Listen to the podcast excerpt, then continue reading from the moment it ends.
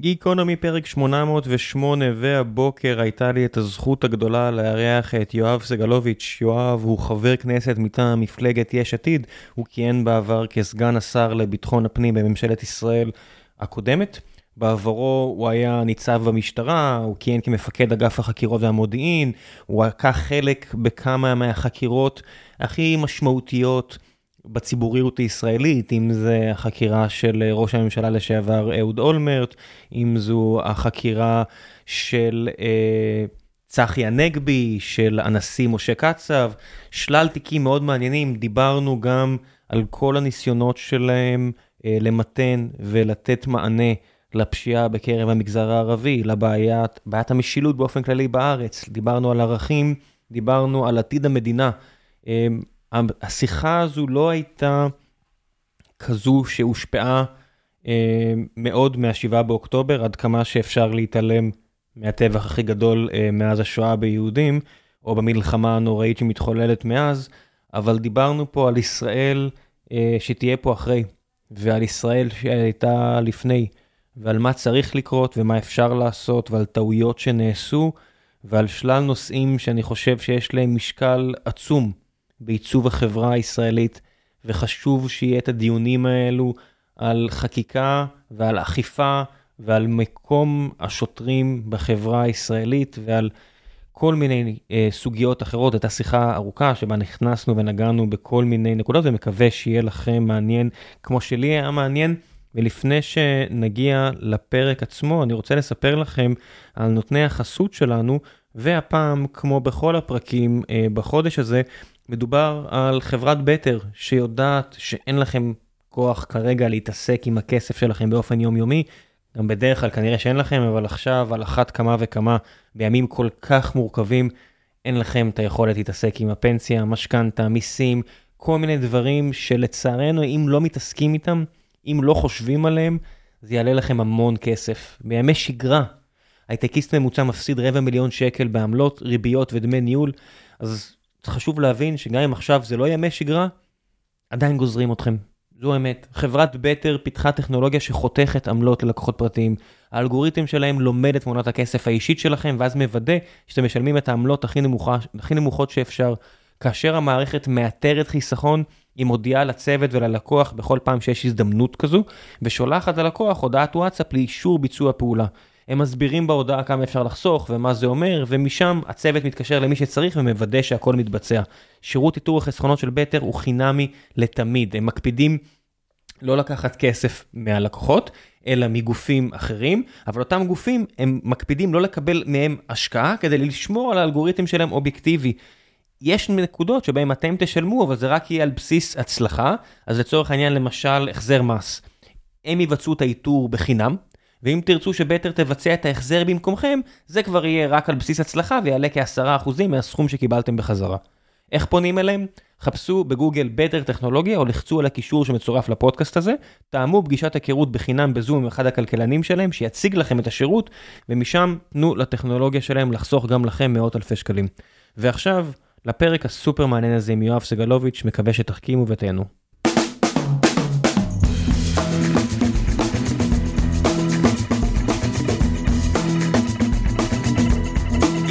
פרק 808, אני חושב, אולי יהיה 807 בין לבין, והבוקר יש לי את הזכות הגדולה לארח את חבר הכנסת יואב סגלוביץ', בוקר טוב. בוקר טוב. אתה רגיל כבר לטייטל? אה, התרגלתי. איך, איך אתה עדיין רואה את עצמך? שוטר? אה, האמת היא שבקטעים מסוימים כן, אה, אבל בדרך כלל הרבה פעמים שיש בעיות רואים אותי כשוטר גם, אני לא רואה את עצמי. מה, כשאתה רואה עבירות על החוק ב... ביום יום? אה לא לא, דווקא כשאנשים פוגשים אותי ברחוב, אומרים, אתה היית במשטרה, נכון? ו... אבל אתה גם חבר כנסת, אז uh, הסדר בדרך כלל הוא כזה. כן, מתוקף תפקידך, רוב האנשים שראו אותך, אם מזהים אותך זה, אתה יודע. לא, לא, לא, אני לא חושב. אה, אתה אומר בגלל הבירוק, בגלל המנגנון פשוט, בגלל שיש הרבה... בגלל המנגנון, בגלל שאתה ראיתי הרבה זמן בשירות, ומפה ומשם לפעמים לא, לא מחברים את השם לפנים, אבל כשזה מתחבר אז זה עולה. עבודה במקום כמו 433 והובלה שלו משנה את האופי? לא, אני חושב בכלל, נגיד משהו על שיטור, אני חושב שבעבודה הזאת צריכים להיות בעיקר אופטימיים. זאת אומרת, תמיד בטוחים שמתעסקים רק עם עבריינים, אבל המציאות היא שאתה מתעסק בעיקר עם אנשים. בסוף יש נפגעי עבירה, יש אנשים, יש מתלוננים. בסוף זה עיסוק עם בני אדם, זה, זה מרכז העניין של שיטור, זה בני אדם. כן, יש קורבנות, יש uh, עדים, יש הרבה מאוד אנשים שהם לא המושא של החקירה שלך. נכון, אבל בדרך כלל מה שבסוף זוכרים זה את החשודים, אבל בסוף העיסוק היומיומי זה עם אנשים, עם, ה, עם מה שעובר עליהם, מה שהביא אותם למקום שהביא אותם. עבודה מרתקת. אתה עדיין סוחב איתך חלק מהתיקים?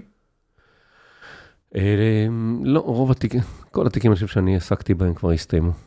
אה, אני יכול לחשוב על כמה שלא, אתה יודע, בלי עכשיו לשים אותך באיזושהי פינה, אבל יש תיקים גדולים שעדיין, אתה יודע, שהבן אדם לא הגיע אפילו למשפט כמו שצריך. לא, זה כן, אבל האם יש תיקים מתנהלים היום שעסקתי לא, בהם, אז לא. לא. יש לך ביקורת על איך שחלק מהתיקים האלה התנהלו?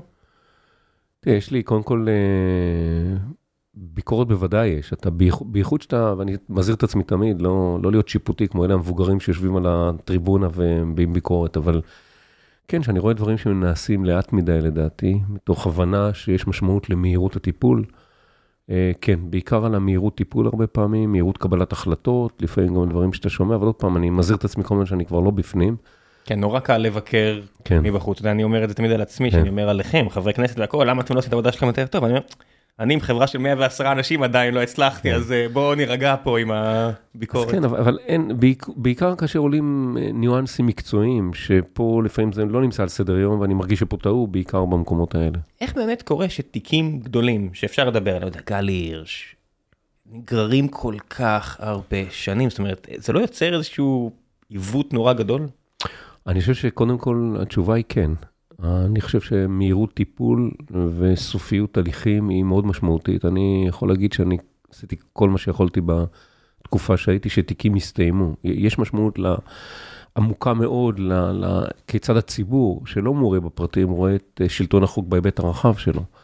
ולכן אני חושב שכן, זה אחד הכשלים הגדולים. אה, במקומות שהייתי, עשיתי את המירב שיכולתי שזה לא ייקח הרבה זמן. האמת היא, בהרבה מקרים הצלחתי, אבל במקומות שלא, שהם מהדהדים ומצלצלים כל הזמן, זה פגיעה עמוקה בהבנה מהי מערכת אכיפת חוק. עכשיו כשאתה מחוקק, אתה חושב שאפשר לפתור את העניין הזה גם בחקיקה, או שזה רק תרבות ו-DNA כזה של ארגון? אני, אני למרות שאני בתוך המערכת, בתוך הרשות המחוקקת, אני חושב שרוב הדברים סיפור של ניהול. ניהול תפיסת עולם והבנה מה חשוב יותר, והרבה מאוד ניהול. ואני חושב שבעניין הזה, במקום שאתה רואה מנהלים ברמה גבוהה, ברמה ניהולית, זה לפעמים לא מתחבר עם מקצועיות, אבל ניהול ומקצועיות עדיף יהיו שניהם ביחד, אבל גם במערכות האלה אני חושב שהרבה פעמים מקדשים דבר נכון שהוא מקצועיות, ובודקים פחות מדי את רמת הניהול. ואני חושב שברמת הניהול, אה, סידוד מערכות מאוד גדול בהרבה מאוד מהמערכות הקיימות, גם במערכת אכיפת חוק. הרבה פעמים זה אפילו אה, מנוגד, מה זה ניהול? זה בני אדם. ומקצועיות זה בסופו של דבר מטרה. מנהל טוב גם יודע מתי אה, להיות עדין יותר וחלק יותר ולעגל פינות כדי שהבן אדם לא יישבר מולו. כדי שהוא ימשיך איתו, או כדי להוציא ממנו את המקסימום בהמשך. מקצועיות זה לא זה. כן, אבל, אבל פה זה משהו אחר. פה יש משמעות, מקצועיות היא גם אה, מהירות ההליך. זה חלק ממקצועיות. זה לא רק לשאול את השאלות הנכונות, אלא לייצר טמפו, לייצר לוח זמנים כזה שמאפשר, כי בלי הנושא הזה, אני חושב שבסוף באמת נשאלות השאלות, שגם אתה שאלת אותי, כאילו, למה לוקח כל כך הרבה זמן? כן, אני, אני ציינתי רק תיק אחד, אבל יש הרבה תיקים יש... שהם מהצד נראה, זה נראה מוזר, זאת אומרת, אני לא מבין אפילו את המכניקה, למה תיק, ואני אומר את זה מבורות, אני לא אומר את זה מביקורת, למה שתיק יימשך, תיק חקירה יימשך כל כך הרבה זמן? אני, אני חושב שאתה צודק, אני בעניין הזה, למרות שהייתי במערכת, ואני מרגיש עדיין אה, באיזשהו DNA שייך, גם שהייתי בתוך המערכת, ובוודאי היום. אני חושב שזה, יש דברים, נלחמתי הרבה מאוד, שיכלתי את האפשרות של את היכולת, דברים ייגמרו ויסתיימו מהר. יש משמעות למהירות, להפך, לפעמים דברים שאתה קורא להם בשם המקצועיות, אתה מעריך בהם את הזמן, בסוף זה לא מקצועי. היכולת למסמס היא גם שייכת לצד המואשם? זאת אומרת, צד מואשם, כן. נגיד עבריין רציני עכשיו שחוקרים אותו, לא יודע מה, ראיתי איזה תיק ענק מטובה, בצפון, כאילו עבריינות רצינית מאוד. עבריין יכול גם לדאוג שהתהליך יימשך הרבה זמן? אז אני אחלק את זה לשני חלקים בצורה גסה. יש את שלב החקירה, שעליו בעיקר התייחסתי קודם, שזה בעיקר המערכת.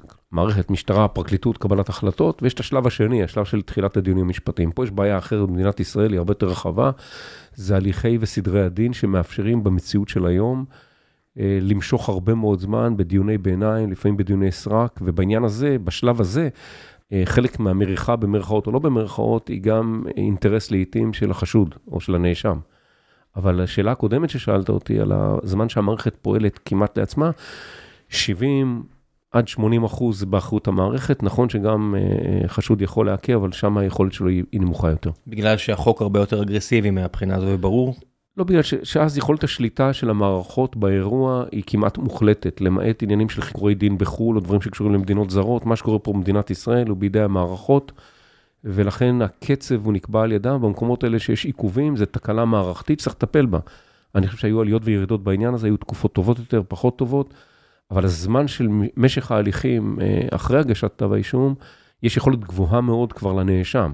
לשחק את המשחק הזה, איך, זה, איך, איך מכנית אפשר לעשות את זה? זאת אומרת, מה הפעולות שאפשר? לא, הרבה מאוד בקשות לגילוי ראייה וסדרי דין וחומרי מודיעין וויכוחים על הפרטים, זאת אומרת, הכל חוקי, הכל מותר, הכל אפשרי בסדרי הדין של היום. הכל חוקי כי יש חוק, זאת אומרת, אתה עכשיו כמחוקק, בגלל זה שאלת, החזרתי את השאלה, כן. כי בסוף כמקומך כמחוקק, אתה תמיד יכול להגיד, לא, זה לא בסדר, זה לא חוקי שזה יהיה. אז פה, פה נכנסים עוד שני גורמים. אחד, שאני חייב להסתכל בתמונה יותר רחבה, גם, אה, גם מהמקום שבו אני נמצא היום, אבל גם מהמקום שהייתי בעבר.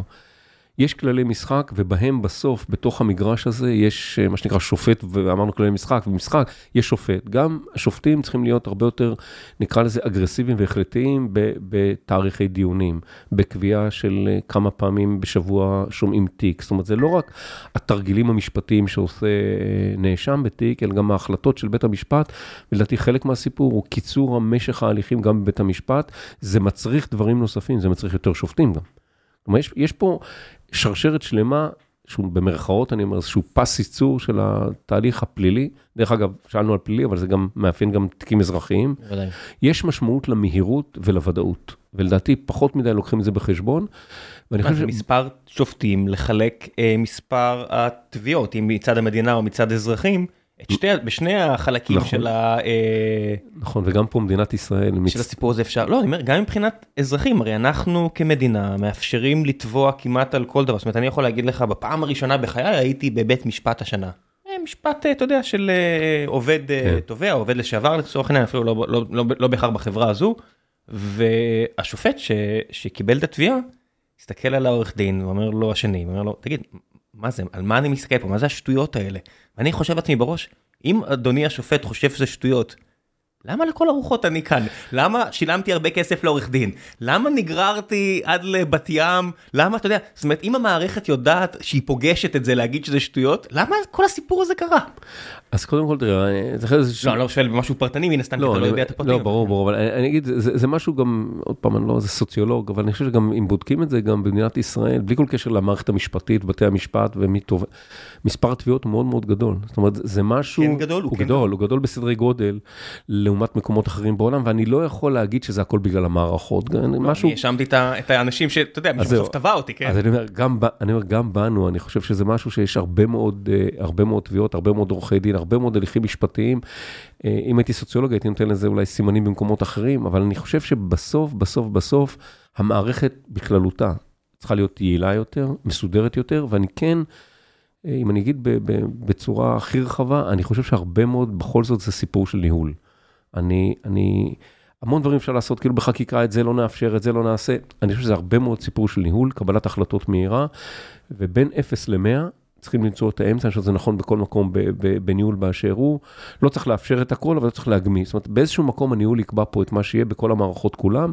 הניהול לדעתי אצלנו בשירות הציבורי באופן כללי, אני אעשה פה אולי קצת אה, הגזמה, אבל בשביל, בשביל השיחה, הוא, בחלק מהמקומות הניהול הוא פחות אה, חשוב למקבלי ההחלטות מאשר המקצועיות, ואני חושב שניהול ומקצועיות... אז אולי להוריד את, אה, את שיקול הדעת, הרי בסופו של דבר, גם במקרה שאני ציינתי, במקרה ממש פעוט, בסוף יש שיקול דעת, זאת אומרת, אם מגיע שופט ואני מסתכל עליו, הוא אומר, אה, הוא לא, הוא אמר, הוא הסתכל על המאשימים, והוא אמר, תקשיבו, תבטלו עכשיו, תצאו, ואני אשכנע את החברים פה שלא ישיתו עליכם את הליכי המשפט. אני מסתכל על העורך דין שלנו, הוא מסתכל, קח את זה, הכל טוב, קח את זה. ואני אומר, אוקיי, זה כאילו כולם פה זורמים על הסיפור הזה. אבל זה גם בצד, אתה מדבר עכשיו על צד הדוגמה סתם, על הצד האזרחי, אני אקח אותך לצד... לא, אז אני אומר, גם בצד כזה, השופט הרי יכול מאוד להחמיר על טעויות, וזה השיקול דעת שלה או שלו, כן? המחוקק יכול להגיד, יש לך פחות שיקול דעת. כן, אבל אני אקח אותה דווקא לתחום, אקח אותה לתחום הפלילי ונראה את הצד השני של אותו, אותה מטבע, שזה נראה נורא מפתה להגיד בואו נחתוך את העניינים לא, ונוריד לא, הצידה. לא, אני, אני מבין את השיקול, כי אז יש פה עניין, אני בסוף מגיע בתור בעל ההון במקרה הזה, ואז אני בעצם פוגע בכוחו של ה- העובד הקטן, כן? נכון, אני נכון, מבין את זה. ואותו דבר גם בהליך הפלילי, שיש את המדינה, שהיא היא בעלת העוצמה הגדולה, אל מול אזרח, בואו נדבר על האזרחים, לא על התיקים הגדולים, על מה שקורה פה בכל יום בבתי המשפט שעוסקים בפלילי, ואתה בודק ואתה רואה, נגמר שהסדרי הטיעון, מספר הסדרי הטיעון או האחוז שלהם במדינת ישראל הוא אדיר, הוא מאוד מאוד גבוה, ואז אתה אומר, אוקיי, הסדר טיעון זה הכרח בל יגונה מצד אחד, מצד שני, רגע, יכול להיות שמישהו במקרה הודה בשביל לגמור את העניין, בשביל לחסוך כסף, לעשות דברים, זאת אומרת, תמיד יש פה יותר מצד אחד לאירוע, וכאשר קבלת ההחלטות בסופה צריכה להיות מידתית. אני חושב שמילת המפתח פה היא מידתיות, זה נכון להרבה דברים, בטח בהקשרים האלה.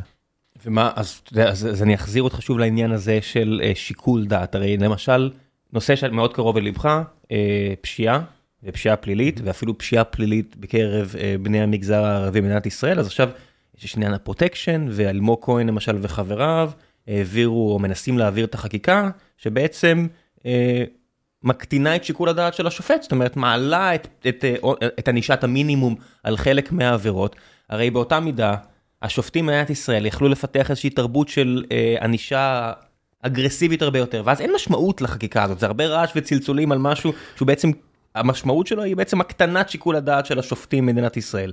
איפה אתה למשל רואה דבר לא, אז תראה, אני, אני קודם כל, בכל הנושא של עונשי מינימום, בפירוש מלכתחילה זה הקטנת שיקול הדעת של בתי המשפט, מתוך מדיניות כללית של מדינת ישראל, שזה ראוי ולגיטימי, בכל, בכל מיני תחומים. ראוי ולגיטימי מבחינת המחוקק להחליט משהו, לא אתה אומר... להג... לא, להגיד שנגיד שבעבירות שהן מכת מדינה לצורך העניין, איך שקוראים להן, יש איזשהו עונש מינימום שלמעשה משפיע, שהוא למעשה משפיע על כל השופטים במדינת ישראל, כי צריך לראות גם ש...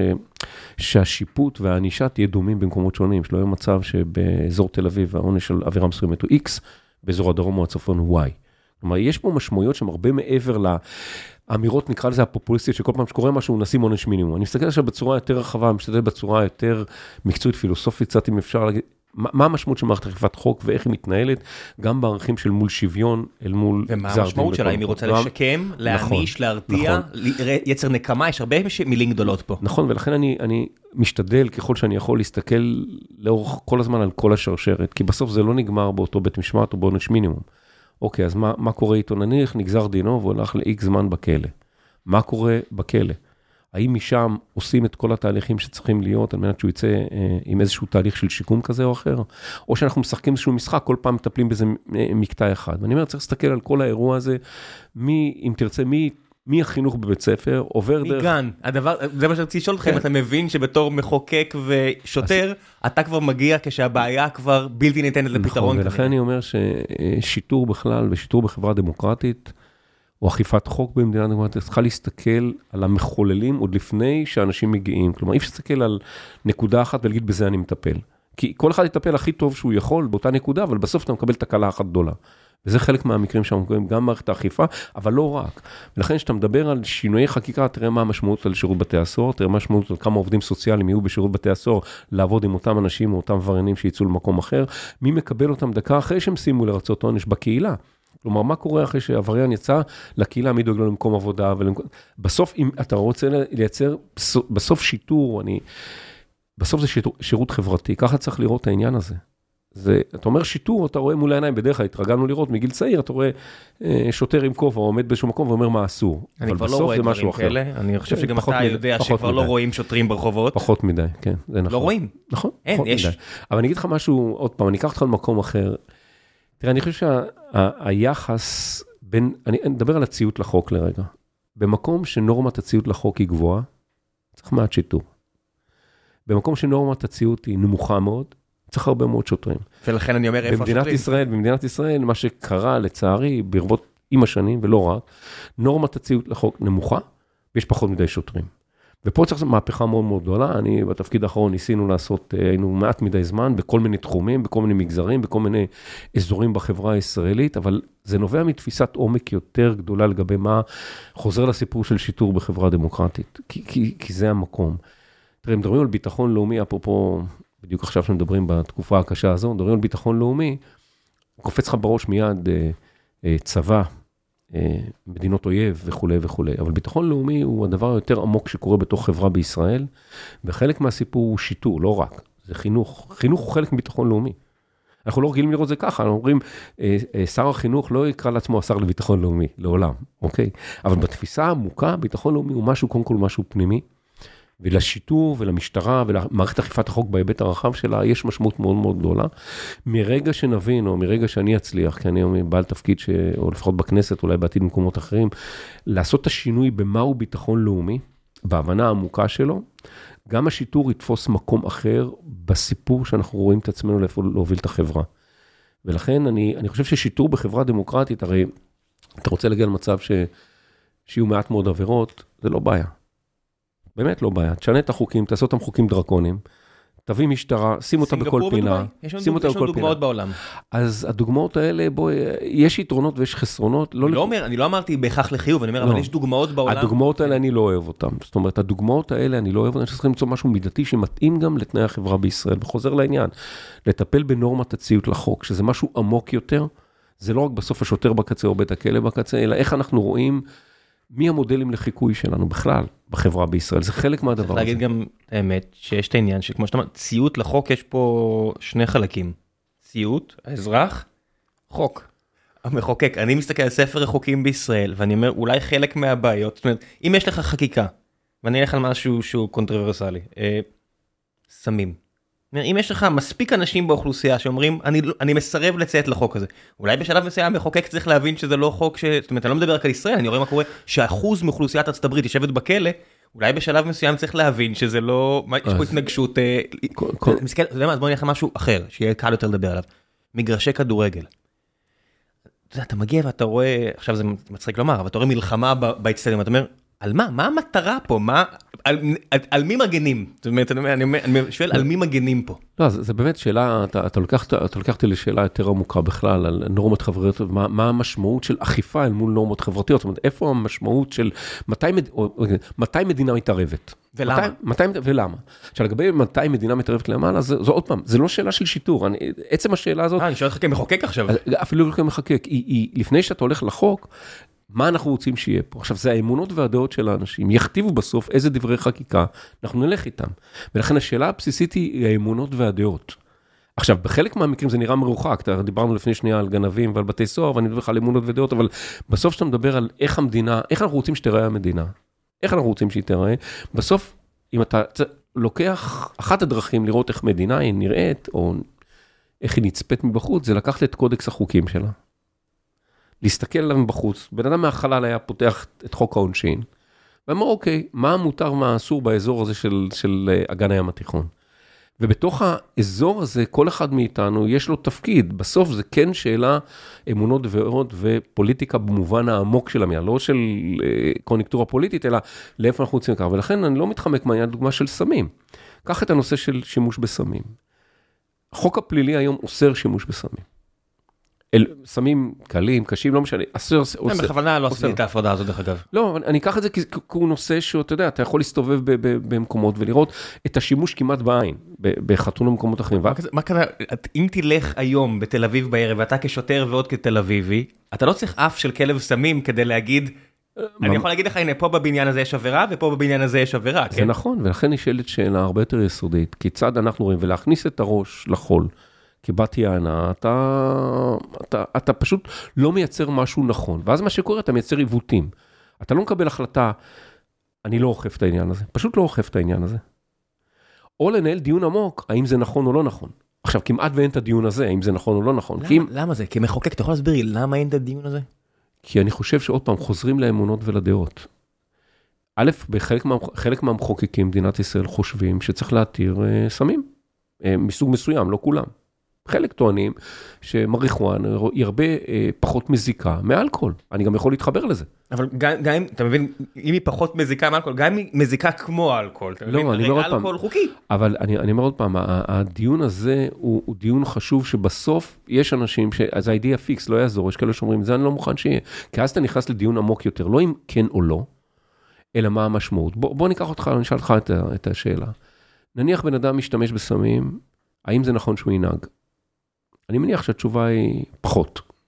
כן, קשה לי להאמין שמישהו יגיד כן. נכון. עכשיו, איך אתה מונע את העניין הזה? פה, במקרה הזה, אני חייב להגיד לך שאני כן מאמין בענישה אוקיי. קשה. זאת אומרת, אז, נכ... כי, כי, המח... כי התוחלת היא נורא רעה. אז זה הדיון. כלומר, זה הדיון והשאלה איך עושים את זה. ואם להשתמש, האם מאיזה גיל, האם אנחנו רוצים מגיל 18 ומעלה, אולי מגיל 16? זאת אומרת, אני, אין לי תשובה, אני אגיד, אני אגיד אחרת, אני יודע, רגילים אולי שאנשים...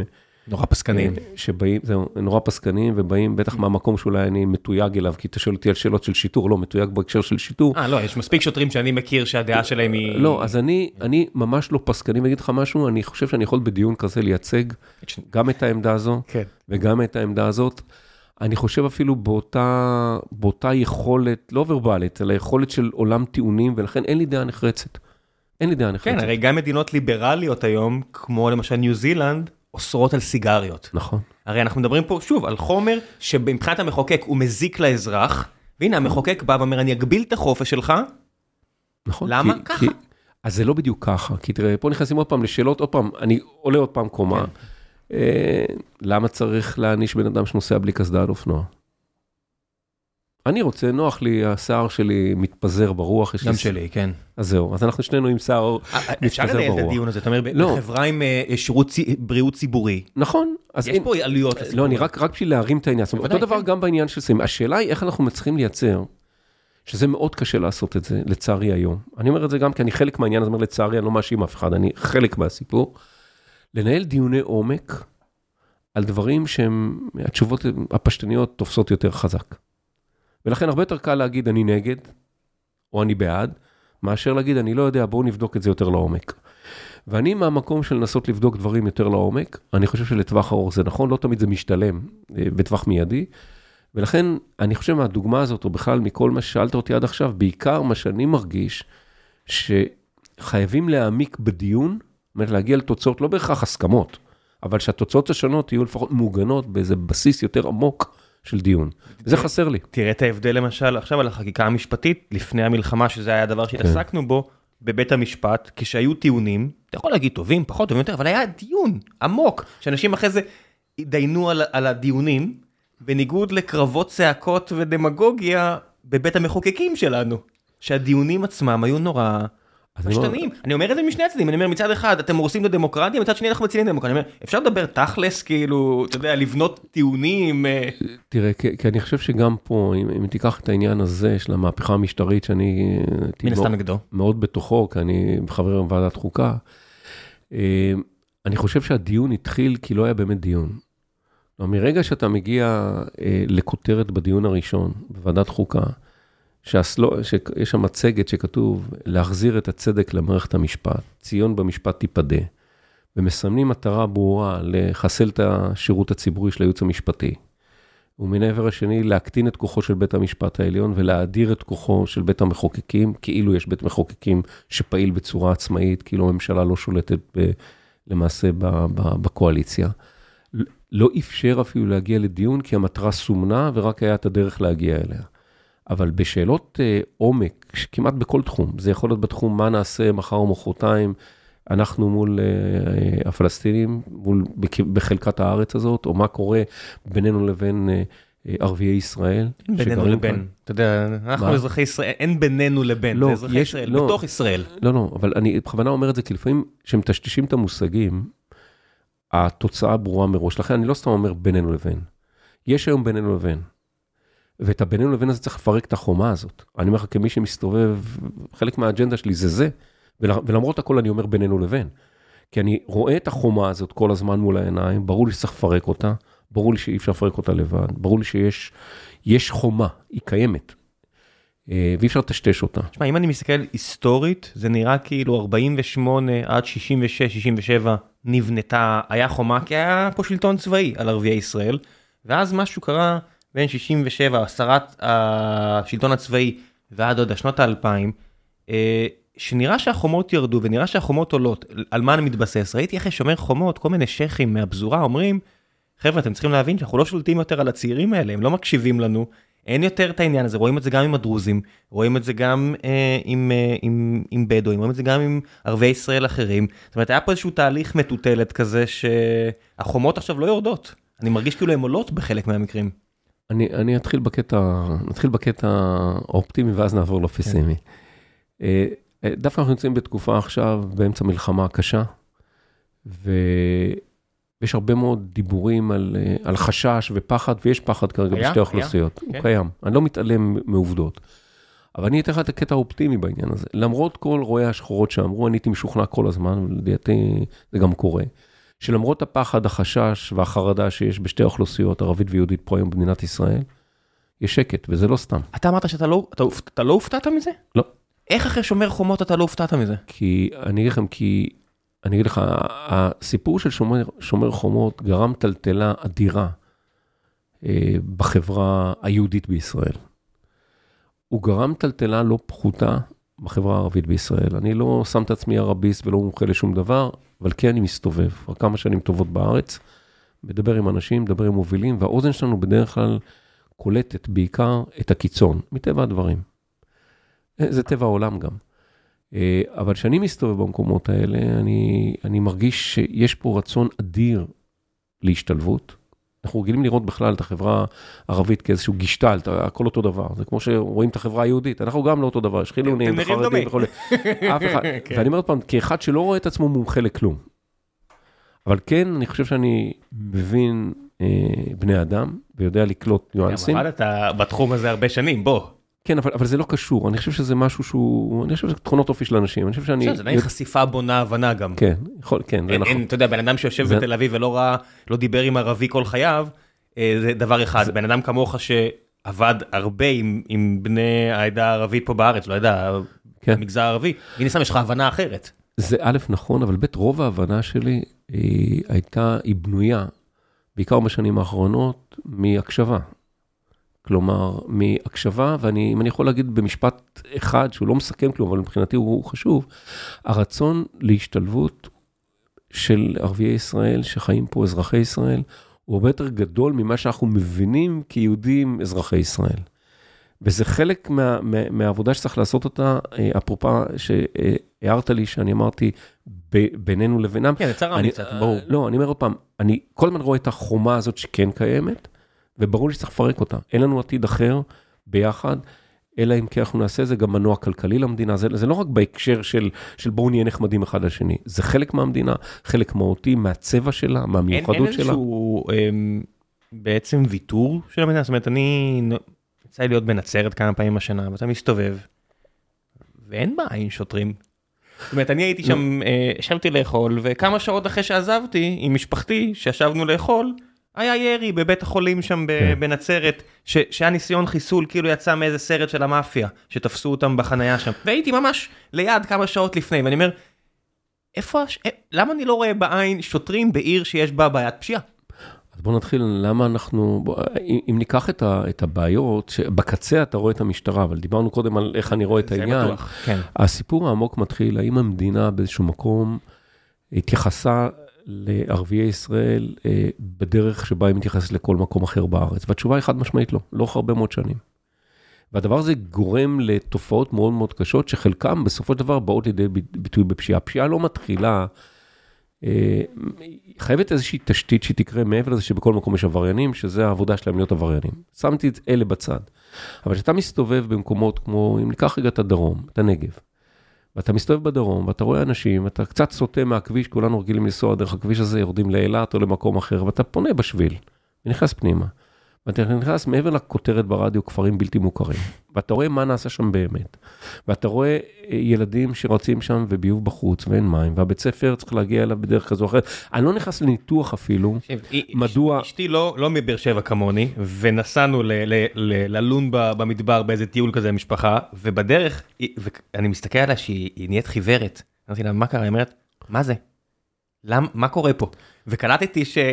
כמי שאוהב לטייל, לא טיילנו באזור הזה, ואני פשוט רואה את הפנים שלה, זה רק היה חסר שהיא תשאל, זה ישראל פה? אז זהו, אז, אז התשובה שאני נותן לעצמי, לא מהיום, זה חלק ממה שאני חושב שצריך, מדינה חייבת להתעסק עם זה, זה כן, זה ישראל פה. ומאחר וזה ישראל... רשמית זה ישראל רק. רשמ, אבל מאחר וזאת ישראל, השאלה שאני שואל את עצמי, כי יש לי אחריות, בסוף לכולנו יש, אבל היום אני בכנסת, מה אני עושה לשנות את המצב הזה? ונעזור רגע את הטחת ההאשמה למה לא עשו אלה ואלה ואלה. לא, קדימה, לא אחורה. מה צריך לעשות קדימה? ואני אומר, אל מול הקדימה הזה, לדעתי זה אתגר אדיר של המדינה. העיסוק בנושא של ערביי ישראל, השילוב של החברה הישראלית באופן כללי, זה רק אחד מהדברים שצריך לעשות בהם. אבל זה גם בתשתיות הפיזיות, גם לשבור פרדיגמות שיש אצלנו. אנחנו תמיד מיד הולכים לקצה, הם uh, יושבים על קרקע סתם ואין להם אישור וכולי, ויש צווים וכאלה, ותנועת רגבים, והכל מגיע לאירוע הפוליטי. עכשיו רגע בואו נעצום את העיניים, אנחנו רוצים, אנחנו רוצים שככה יגדלו ילדים, התשובה היא לא. אם אמרנו שהתשובה היא לא, מה עושים בשביל זה? ולמען העובדה הזאת, לעשות השינוי הזה, אתה חייב, המדינה, מה זה המדינה? זה בני אדם.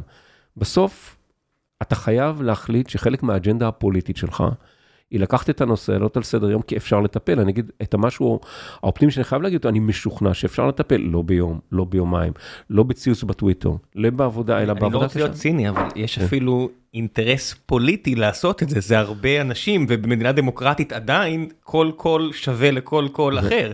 אותה אישה שאירחתי פה בגיקונומי, שמספרת שהיא נלחמת למען הבת שלה, שתוכל לקרוא ולכתוב וללמוד בכפר לא מוכר ליד באר שבע, בשגב שלום, יש לה קול. זאת אומרת, לבוא ולשכנע את האנשים האלה שאתה עוזר להם ואשכרה לעזור להם, יש לזה אפילו יתרון פוליטי. כן, זה יש יתרון פוליטי, אבל אני, אני גם מכיר, גם, אני אגיד את זה בצורה הכי ברורה שאני יכול להגיד את זה. תראה, אני, ברור לי שהחסם, לבוא, נגיד, נגיד שכנעתי, בראש, אבל בסוף להצביע למישהו, במקרה הזה אני יהודי, ציוני וכולי וכולי, אני יודע שזה חסם. אני, לפני הכל, אתה צריך לייצר אמון. וליצור אמון מול אנשים שהתחושה הכללית שהם, עושה פה הכללות נוראיות, אבל אין לי ברירה אחרת בשיחה כזאת, הוא, הוא לייצר את האמון במעשים. אמון לא נעשה בסוף בכותרות או בציוצים או בהרצאות או, או אפילו בפודקאסט, הוא בסוף שיראו אותך נוכח, שיראו אותך עושה, ואז זה ישלם את עצמו גם פוליטית אחרי זמן. אבל לפני הכל, אתה צריך להחליט שגם לטפל בנושא הזה, שזה יעד פוליטי של מפלגה, נגיד של מפלגה כמו המפלגה שלי, זה יכול להיות עליו הרבה מאוד ביקורת, בגלל שהכל פה כל כך קיצוני וכל כך uh, מופרע. וזה האומץ שלנו באופן כללי, של מנהיגי ציבור, מי שבחר בדרך הזאת, לסמן כיוון. עכשיו, זה כיוון שאני הולך איתו, הכיוון של השילוב, הוא לא בא מהמקום, הוא בא ממקום מאוד מאוד, נקרא לזה, ציוני, ארץ ישראלי, שבא ואומר, זאת המדינה, אנחנו חיים, חיים פה 20% מהאוכלוסייה, שהיא אוכלוסייה של ערבים. אוכלוסייה של כאלה שאומרים להגיד אינם יהודים, אבל רובם הם ערבים, חלקם הם דרוזים, ערבים, שהם חלק מהמדינה הזאת, הם מנוע כלכלי אדיר לחברה בישראל, הם מנוע חברתי אדיר לחברה בישראל, הם מנוע לכל דבר ועניין, ולמעבר לעניין, זה חובתה של המדינה. עכשיו, זה שהמדינה הזניחה את זה הרבה שנים, זה לא אומר שלא צריך להתחיל, בסוף זה מגיע גם לתופעות של פשיעה. תראה, אני אקרא אפילו משהו שהוא כמה, כמה השיח הוא, הוא, הוא, הוא קיצוני והוא קצת אה, מניה, דפרסיה בכל השיח הזה. עד לפני חודשיים, חודש וחצי, דיברת על הנגב, אז, או על הבדואים, אז אמרו, הבדואים משתוללים ובלאגן ואי אפשר לחיות שם וצריך משילות בנגב. ואז נכנסנו למלחמה. ופתאום אתה רואה כתבה בתקשורת, במקרה ראיתי את זה אתמול בטלוויזיה, על החמ"ל היהודי-ערבי שמספק זה, ואז פתאום כולנו, איזה יופי. אני אומר, אני נגד הדבר הזה, בואו נסתכל על השגרה, המלחמה הזאת תיגמר. עוד בני אדם בארץ, עוד, עוד בני אדם שאתה צריך להגיע אליהם, להבין מה התפקיד שלך כנבחר ציבור, בוודאי ממשלה, ולהבין שזה חובתך לטפל, זה לא, זה לא, זה לא שאתה nice to have, אתה חייב.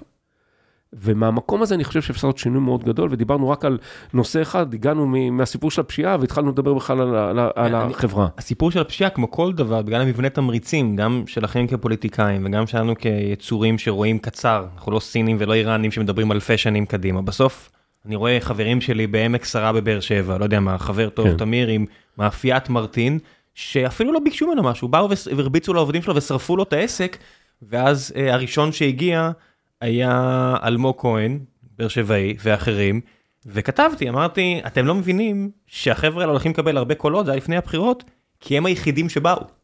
זאת אומרת, אני מן הסתם ידעתי, אני בלי להעליב אף אחד שם, אבל ידעתי שלא יצא מזה שום דבר טוב מהבחינה אפילו של עזרה לבעיה הזאתי, אבל הם היחידים שבאו. זאת אומרת, תחשוב על המציאות הזאת שבה יש לך קונדטוריה שנותנת שירות מדהים, ואתה סיכנת הכל, חזרת לבאר שבע, בנית עסק במו ידיך, וגם ככה מול כל הבירוקרטיה הבלתי אפשרית של המדינה הזאת, שזה בעיה אחרת שאני לא אציק לך עליה, ואז באים אנשים, מרביצים לעובדים שלך ושורפים את העסק ויגידו, אנחנו נבוא אליכם המסר רק אחרי. אז פה אנחנו מגיעים לקטע הכי נמוך של הפוליטיקה. כן. אני אגיד באיזה מובן הכי נמוך. הרבה מאוד שנים הייתה פה ממשלה, לא ממשלה שאני הייתי חלק ממנה, הייתה ממשלה של הליכוד. אה, לא מאשים אותך. לא, לא, לא, אני אבל כן חשוב, חשוב להגיד, כי הזכרת חלק מהדמויות, אז אני כן אתייחס לזה. ולא עשתה שום דבר, או התעלמה, או עשתה מזה סיפור פוליטי. קמה ממשלה, אני הייתי חלק ממנה, כסגן שר לביטחון פנים, שלקחתי את הנושא של הפשיעה בחברה הערבית. ואחרי 6-7 שנים, פעם ראשונה יש ירידה באירועי הרצח, פעם ראשונה יש ירידה באירועי הסד"ח. אפילו בטרור הייתה ירידה. ואז מה שקורה, יש מפלגות פוליטיות ויש כאלה, שאיפה שיש אש, הם באים. לא רק פה, אני, אה, בן גביר פגשתי בכל הפיגועים שהיו מבני ברק ועד חדרה. צועק ומתלהם. ואז אתה עושה את הבחירה המודעת, שהיא לא בהכרח פוליטית נכונה לטווח קצר, האם אתה נוהג באותה דרך או לא. אז גם אחרי שעזבתי את התפקיד, ואירועי הרצח בחברה הערבית עלו פי שניים וחצי, לא הגעתי לאף זירת רצח, תקעתי לעצמי מיקרופון ואמרתי, תראו איזה ממשלת דמים זו. זה לא אחראי. אני חושב שלטווח ארוך, אני חושב שגם אני מקווה שזה יקרה, הציבור יבין, הציבור בכללותו, לא ציבור שמצביע לי, עזבו מי מצביע לנו, מי מצביע למישהו אחר, ירצה שיח אחר, פוליטי, של כל המפלגות הפוליטיות באשר הם. ברגע שזה יקרה, השיח היותר עמוק לגבי פתרון בעיות, גם יהיה בינינו ויכוח לגבי דרך הפתרון, יהיה אחר לחלוטין. ואז גם השאלות שתישאלנה לגבי מה צריך לעשות, יהיו שאלות עמוקות, אחרות. הפתרונות יהיו אחרים בכל התחומים, כלכלי, חברתי, דת ומדינה, יחסי יהודים ערבים, יחסי אה, חרדים חילונים. כי הדברים הם יותר מורכבים מכותרת או מציוץ בטוויטר. עכשיו, לך תעשה ולדבר בצורה נאיבית אל מול העולם הזה. עכשיו יש לך זמן, הרי אנחנו, יש פה עניין תמיד של אה, קורולציה וסיבתיות, שאנשים נורא מתבלבלים בזה, כי אני אומר את זה בדיי ג'וב שלי. בסופו של דבר אני יכול להסתכל למשל על שער הדולר ולראות uh, שבשלב מסוים הדולר מזנק למעלה ולהגיד, אה, התחלף השלטון קצת אחרי, אז זה קשור. זה לא תמיד כך.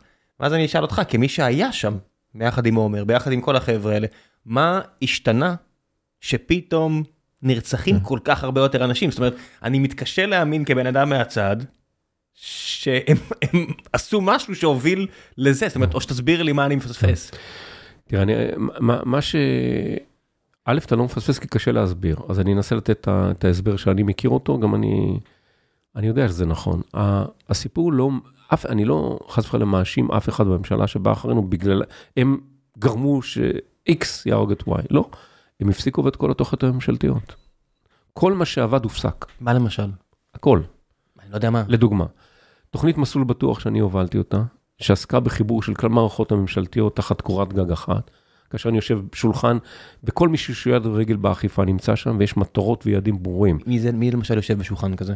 ראש אגף חקירות במשטרה ומודיעין במשטרה, ראש רשות המיסים, אה, ראש אגף בשירות ביטחון הכללי, משנה ליועץ המשפטי לממשלה, משנה לפרקליט המדינה, הגורמים הכי בכירים, ונותנים איך עושים שיפט, איך מזים עיסוק של מדינה שלמה בתחום אחד. אני יכול להגיד רק במפתח סוגריים, שבגלל שערן יעקב, אה, אני מיודד איתו, והוא גם היה פה פעמיים, בתקופה הזו שאתה מדבר עליה, האיש דיבר כמו, כמו איזה קצין בסרט מטכ"ל, אנחנו יוצאים לפעילויות, אנחנו עובדים, אנחנו נכון. עושים, זאת אומרת, היה שיח ששמעתי פעם ראשונה אחר. אז אני אגיד לך, כי, כי ערן יעקב, אם הזכרת שם אז אני אגיד, יש לו, אה, אה, לרשות המיסים באופן כללי, היא בעיקרון, תפקידה הוא לא לאכוף. רשות המיסים, תפקיד המרכזי שלה, היא בעיקר, בעיקר לעסוק ב, ב, ביכולת של המדינה לייצר uh, תקציב מדינה, גבייה וכולי. ובשביל, על מנת לייצר שותפויות עם אנשים שזה לא הדיי ג'וב שלהם, להתעסק עם, עם מאבק בפשיעה, היה צריך את החיבור הרגשי של כל האנשים להבין שזאת משימה לאומית חשובה, עקרונית, ערכית ומוסרית להיאבק בפשיעה. ואז ערן יעקב, אני אומר ערן יעקב כמשל. כן, כרשות המיסים. כרשות המיסים. אמר, אני אתן אולי את הדוגמה הכי פשוטה, אם אה, רשות המיסים אה, מזהה מעלים מס, העלמת מס זה עבריינות, שמעלים נגיד 20 מיליון שקל, ויש מעלים מס שגם יורה ב-20 אלף שקל, ערן יעקב קיבל את ההחלטה שמטפלים ב-20 אלף שקל. בגלל שזה פשיעה אלימה. בגלל שזה פשיעה אלימה. מרגע שאתה מזיז מערכת שלמה, כדוגמה, כי זה קרה בכל משרדים הממשלתיים, אתה מזיז את כולם, אפשר. עכשיו, הרעיון המרכזי היה בתחילת הדרך, כל התוכנית מסלול בטוח שהייתה, הייתה חלק מתוכנית יותר רחבה, היא לשים, אם תיקח את הגחלים, אש גדולה, זה היה לשים איזושהי שמיכה בשלב ראשון. להרגיע את השטח, על מנת אחר כך לטפל בכל אחת מהגחלים לבד. שבפועל הדבר הזה אומר לטפל במקרים אלימים קיצוניים? כן. ובאזור, ובאזורים ספציפיים שנבחרו, אי אפשר לטפל בכל. אני חושב שכל מי שמנהל משהו יודע שאי אפשר לעשות הכל במקביל. אז כן. השיטה הייתה לסמן מספר אזורים מועדים. טריאז'. לתת על זה מסה קריטית של פעילות אכיפתית, אבל לא רק אכיפתית. משטרה ורשות המיסים ורשות איסור הלבנת הון ופרקליטות אזרחית ולתבוע עבריינים בהליכים אזרחיים, שכל המערכת הממשלתית, למ- למדינה יש הרבה כוח, אם אתה מחבר אותו. גם למשטרה, בסופו של דבר, יש יחידות מבצעיות, נכון. חלק מהן, לא יודע, שלוש שלוש, או כל נכון. מיני כאלה שהתה היית בראשן, נכון. שהן יחידות מדהימות. אתה יכול להגיד שהן יפעלו בשטחים, ואתה יכול להגיד שהן יפעלו בתוך ישראל, אז- למשטרה מותר, לצבא אסור. אז זו הייתה מוכוונות כללית של כל המדינה, ולא רק זה, גם היה מוכוונות של הממשלה כממשלה. וכשאתה מייצר משהו כזה, יש השפעה. אני, אני אגיד משהו שמדינה רוצה, זה משהו נשמע כאילו מנותק, אבל אני מאמין בו, אני גם יודע שהוא נכון. שמדינה רוצה, היא יכולה.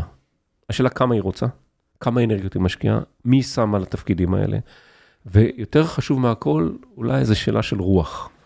האם אתה באמת מגויס לעניין הזה? נתת את הדוגמה, נגיד, של ערן יעקב, אתה אמרת לבד איך הוא דיבר, אני לא ידעתי שהוא, שהוא לא, היה. אני, אני, בשביל שאני מיודד איתו, אז אז לא... אני, אני אומר עוד פעם, הגיוס הרגשי של אנשים, זה נכון בכל מקום. שאתה, וחוויית ההצלחה וחוויית המסוגלות, כי זה, אני נכנסתי לתפקיד בתקופה שהייתה תחושה שאין מה לעשות, אין מה לעשות. בתחושת מסוגלות של אנשים, הוא משהו מנהיגותי שאתה צריך לתת לאנשים לפרוח. מרגע שאתה נותן לאנשים לפרוח ולצמוח, הם ממציאים כבר דברים לבד. חלק גדול ממה שנעשה, אני בסוף הייתי מכווין את האירוע, יונק מהם דברים שצריך לעשות ונותן דחיפה. עד כמה לאנשי הפקידות יש משקל בזה? זאת אומרת, בדרך כלל אנחנו מדברים על השר לביטחון פנים או ביטחון לאומי, כן. איך זה לא נקרא עכשיו, זאת אומרת, זה העומר ואתה כן. וכל החבר'ה האלה, ועכשיו זה בן גביר והחבר'ה שלו. אמ, יש גם מנכ"לים למשרדים האלה, זאת אומרת שמשום מה במקרה הזה, נגיד אה, מנכ"ל משרד התקשורת היה אמור להיות פה עכשיו, הוא במילואים, כן. והמנכ"לית הקודמת גם הייתה, וזה פחות השר ויותר המנכ"ל, כי זה מרגיש יותר ביצועי. מצד שני, בביטחון, אני אפילו לא יודע מי המנכ"ל. לא, אז- השם אפילו לא ידוע. לא, אז אני אגיד עוד פעם, גם פה היה מנכ"ל מצוין, תומר לוטן, שהוא הוחלף? הוא איננו. כל, כל, אף אחד במשרד, עזוב, אנחנו דרג פוליטי בוודאי שלא. תומר נותן כן, בסדר. אה, הוחלף, הוא, הוא, הוא אה, היה מנכ"ל מעולה. שזה חלק מהעניין של העצירה של הוא, התוכניות? הוא חלק, בסוף, לא, העצירה של התוכניות היא החלטה פוליטית, בואו, לא נתבלבל. למה? למה? כי, למה? כי מי למה שעש- לעשות את זה? למה? אתן לך דוגמה. למה? קודם כל, יש שיטה שהיא, היא- כל מה שהיה, אנחנו בורים עולם חדש כל פעם מחדש. נתחיל בזה. הדבר השני, זה דמותו של האיש, בואו, לא נתבלבל, אנחנו מדברים פה על איזה פיל בחדר של בן גביר. האיש הכי פחות מתאים לתפקיד, גזען, לאומן, שלא מסוגל לתקשר עם החברה הערבית. הרבה לפני גזען ולאומן הייתי אומר, אה, לא... חסר יכולת, כן, חסר זה- יכולת זה מפריע לי לחלוטין. כרגע. טרול, מה. עוד אני יכול להגיד? כאילו, על זה אתה שם, זה, פה אני גם לא, בוא נגיד, אשמת... מי הוא מינה למנכ"ל? מצ- מצטער על הבורות, אבל מי אז מנכ"ל היה המשרד? מישהו שאני לא מכיר אותו כלום, שגם הוא פרש כבר. כנראה אה? בגלל שהוא לא מסתדר איתו, עזב שם. היה אחד מתי? שעזב. ב- בחצי שנה ש... לפני חודשיים. אז מי... עכשיו יש איזה מלא מקום שנציב שירות המדינה לא רוצה לאשר את המינוי שלו, לפי, לפי מה שכתוב בעיתון, אני תמיד לא מכיר מדהים אותו. זה שהפרט מידע הזה, ואני עוד מחשיב את עצמי כאחד שכן קורא ומתעניין, וזה אפילו לא בצף שמע. בוא. אה, הכי פשוט, בוא, אה, ב- ב- היום במשרד לביטחון פנים יש אה, אדם שהורשע בהסתה לטרור, ויש בדוקי שב"כ בתור הראש המטה שלו. זה המצב היום. כן, עם זה קצת מי קשה שמינה לי. אותה- אני אגיד לך למה קשה לי עם הטענה הזאתי, כן, ואני, ואני בד- ב- בדיסוננס פה. אני הצבעתי לאדם, אני אומר לך, שאני לא מוכן לארח אותו בפודקאסט, אוקיי. כי אני לא מאמין שיכול להיות שהוא לא עבריין. זאת אומרת, אני מבין שמדינת חוק יש תהליך הוגן, ואני הצבעתי לאדם שאני לא, מה- אני לא מוכן לארח אותו. בוא- מהבחינה הזאת אני בדיסוננס אישי. בוא, אני, לי אין דיסוננסי בדברים האלה. בוא, אני, הדברים מאוד פשוטים. המשאב שנקרא משרד לביטחון פנים, משרד ביטחון לאומי, הוא משאב שעוסק באכיפת, באכיפת חוק. לא יכול להיות מצב שאדם שהיה יעד של שירות הביטחון הכללי, לא יכול להיות אדם שהוא גזען ולאומן, והוא אומר את זה בכל מקום, יהיה אחראי על 20 אחוז, יהיה אחראי על 20 אחוז על ביטחונם האישי של אזרחי מדינת ישראל. עזוב את ה-80 אחוז האחרים שחושבים שזה נורא ואיום. הוא אחראי ישירות על העניין הזה. לא יכול להיות. עכשיו, למה זה קורה? זה קורה כי הפוליטיקה השתגעה, כי ראש הממשלה נתניהו הוא אדם לא, באמת, שלא היה צריך להיות בתפקיד הזה, וזה היה נוח לו, כי הוא חושב רק בעניינים הפוליטיים, אבל זה מסוכן למדינה. נת, אה, הסיפור של בן גביר, כשר לביטחון אה, לאומי, זה דבר שהוא מסוכן למדינת ישראל. אמרתי את זה בתחילת הדרך, אני אומר את זה גם עכשיו. אה, אנחנו נמצאים עכשיו, בואו, אנחנו, אנחנו מדברים פה עכשיו ב... ב באיזשהו חלל שהוא קצת איזשהו בועה בתוך, אנחנו נמצאים במצב מלחמה עכשיו, ואתה רואה מי האנשים שיושבים על ההגה. ואני לא יכול להתעלם מהעניין הזה ולהגיד הכל בסדר, הכל לא בסדר. צריך להגיד את הדברים האלה כהווייתם, ולכן אין דיסוננס, לי לפחות אין שום דיסוננס. אף אחד שיושב על משאב לאומי מן הסוג הזה, לא יכול להיות גזען ולאומן מסוכן, נקודה. אבל אתה לא חושב שעצם היותו אה, גזען לאומן ולא ביצועיסט, היא זו שהקפיצה את מספר הנרצחים? זאת אומרת, משהו קרה, אני אומר עוד פעם, מה שקרה, אז, אז מנית דבר אחד שזה... תן אה, דוגמה, אני יכול, סליחה שאני, אני אתן לך לא, דוגמה. פשוט ניסיתי להחזיר אותך ל- אני- לא, אז נחזור למכניקה. לשם. תראה, אה, תראה, הייתה תוכנית, אחת מהן, ניקח, ניקח משהו פרקטי, תוכנית שקוראים לה עוצרים את הדימום. עוצרים את הדימום הייתה תוכנית בשבע יישובים וערים במדינת ישראל, שזיהו שם שיש בעיה מאוד קשה של כולם פשיעה. יישובים ערבים? אה, יישובים ערבים ולוד, אה, יישוב אה, מעורב. והעיר לוד. כן. ואמרו, אוקיי, מה אנחנו עושים? תוכנית שלמעשה הכניסה את כל משרדי הממשלה עם ראש הרשות המקומית, עם אה, ניהול מחקר מלווה של פרופסור באדי חססי מאוניברסיטת ירושלים, ראש החוג לקרימינולוגיה, ועשו את זה בשבע ערים. אני יודע כי אני הייתי, הצטרפתי לתוכנית הזאת בתור לקדם אותה כמה שיותר מהר. ואז היה חילופים במשרד. בתוך התוכנית הזאת יש גם את ארגון הג'וינט. בא בן גביר ואמר שהוא בוחן מחדש את הג'וינט, כי הג'וינט זה ארגון שמאל. הכל קבע. הכל נגמר. עכשיו, האם תשאל אותו מחר, הוא יגיד, מה פתאום הכל רגיל? שום דבר לא רגיל, הכל קבע.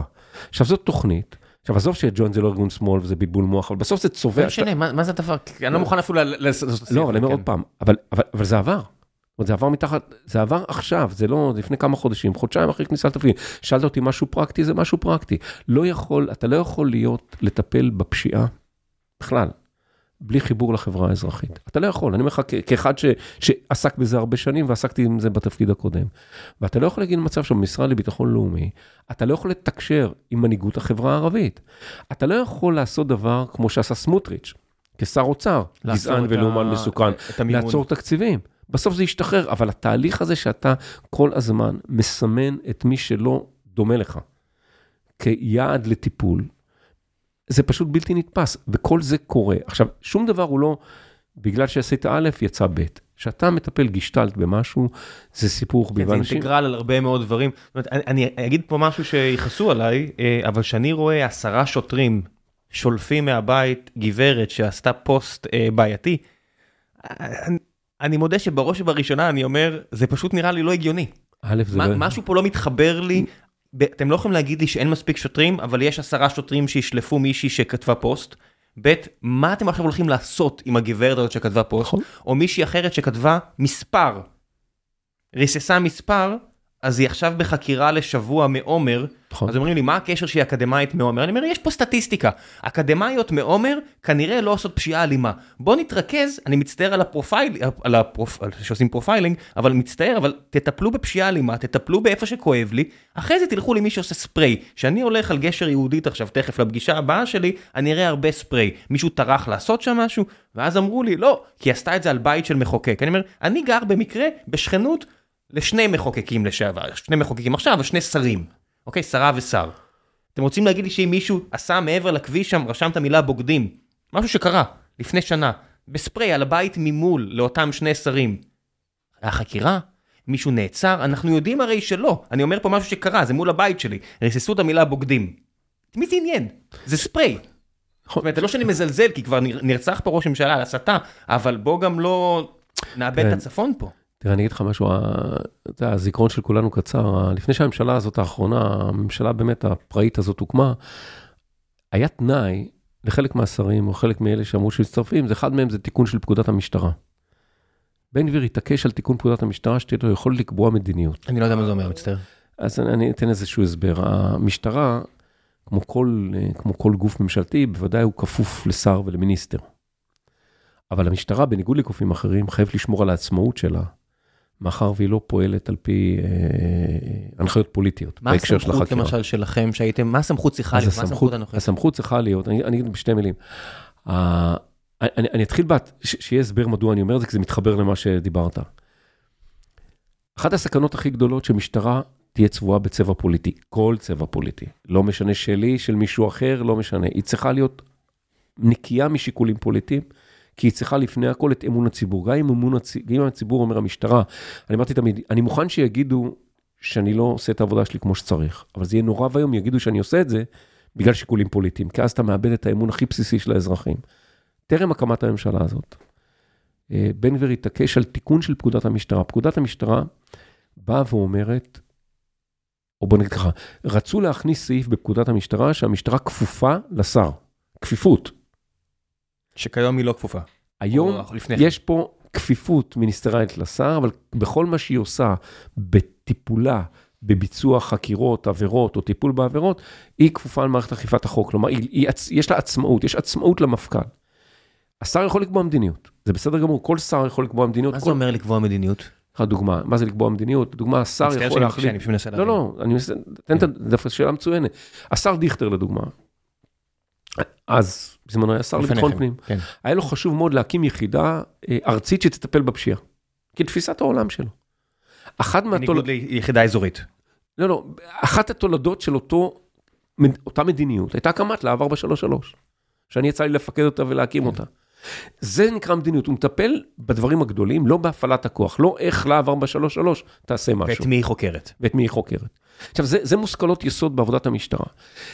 זה היה תנאי פוליטי של בן גביר, טרם הקמת הממשלה, שתהיה לו, מעבר למדיניות, הוא יוכל לקבוע גם דברים שלא קבעו לפניו. חלק הצליח להעביר בחקיקה, חלק הייתה התעקשות, ויש על זה בג"ץ, שבג"ץ אמר, הגשנו בג"ץ, אני הגשתי בג"ץ על העניין הזה, שאמרו שזה לא נכון, הגישה הזאת. אתה מדבר על ההכפפה של המשטרה. נכון, אבל מה שקרה פה, וזה הכי מטריד אותי, שאתה מסמן כיוון. ולכן, אני מתחבר למה שאמרת קודם, על הדרך שבה באגרסיביות יתר מטפלים בחלק מג- מגילויים, או באגרסיביות יתר שהייתה גם באירועי הפגנות ב- ב- בכל התקופה של המהפכה המשטרית. כלומר, אתה ראית פה מעורבות הרבה יותר גדולה ממה שהיה בעבר, על מנת לייצר איזשהו נרטיב שהמשטרה היא איזושהי משטרה. קח את מה שקורה היום. בוא, אנחנו באמצע מלחמה, ת, תשים לב איזה סלוגן יש היום, ישראל מתחמשת. ברדיו. עכשיו, מה זה ישראל מתחמשת? אתה יכול להגיד איזה יופי. מה שאומר, אה, אנשים אומרים, לא, לא, אנשים חלקם אומרים, וואו, יופי. בן גביר אומר, וואו, יופי. הוא מצטלם שהוא מחלק נשקים. זאת נשקים מציאות. ארוכים. אני- נשקים ארוכים כן. ליחידות כוננות. חיל ורעד. אבל דיברת מקודם על, על, על, אה, על כיתוב של, של ריסוס של גרפיטי, אני אומר לך, אני ראיתי דברים יותר גרועים מבחינתי, שאנשי כיתת כוננות בודקים בכל מיני מקומות, אזרחים, תעודות זהות, זה לא בסמכות שלהם בכלל. אני אומר, את כשהם חמושים. זאת אומרת, נכון. אני אגיד, מוזיקאי שהיה לא יודע מה, לא בדיוק לוחם בסיירת מטכ"ל, תופס בן אדם כשהוא חמוש בנשק ומבקש תעודת זהות, זה אקט שאני הייתי מצפה לראות בלבנון, לא בישראל. ולכן הסכנה שאני אגיד לה, מבחינתי באיזושהי כותרת גדולה שצובעת את חיינו בשנים האחרונות, ובעיקר בשנה האחרונה, זה פופוליזם מסוכן, שהפופוליזם הזה מוביל תהליכים מאוד מסוכנים בחברה בישראל, וזה קורה עכשיו תוך כדי מלחמה. אני חוזר לעניין הזה של עכשיו, כי מה שנדרש מאיתנו, מכולנו, בעיקר זה ריסון. ואתה רואה שעדיין, גם בתוך מלחמה, נכון לעכשיו, אתה רואה שהפוליטיקה נמצאת עמוק בתוך האירוע הזה. והדברים פה, אנחנו קפצנו מדבר לדבר, אבל אני אומר, פה, מצטער.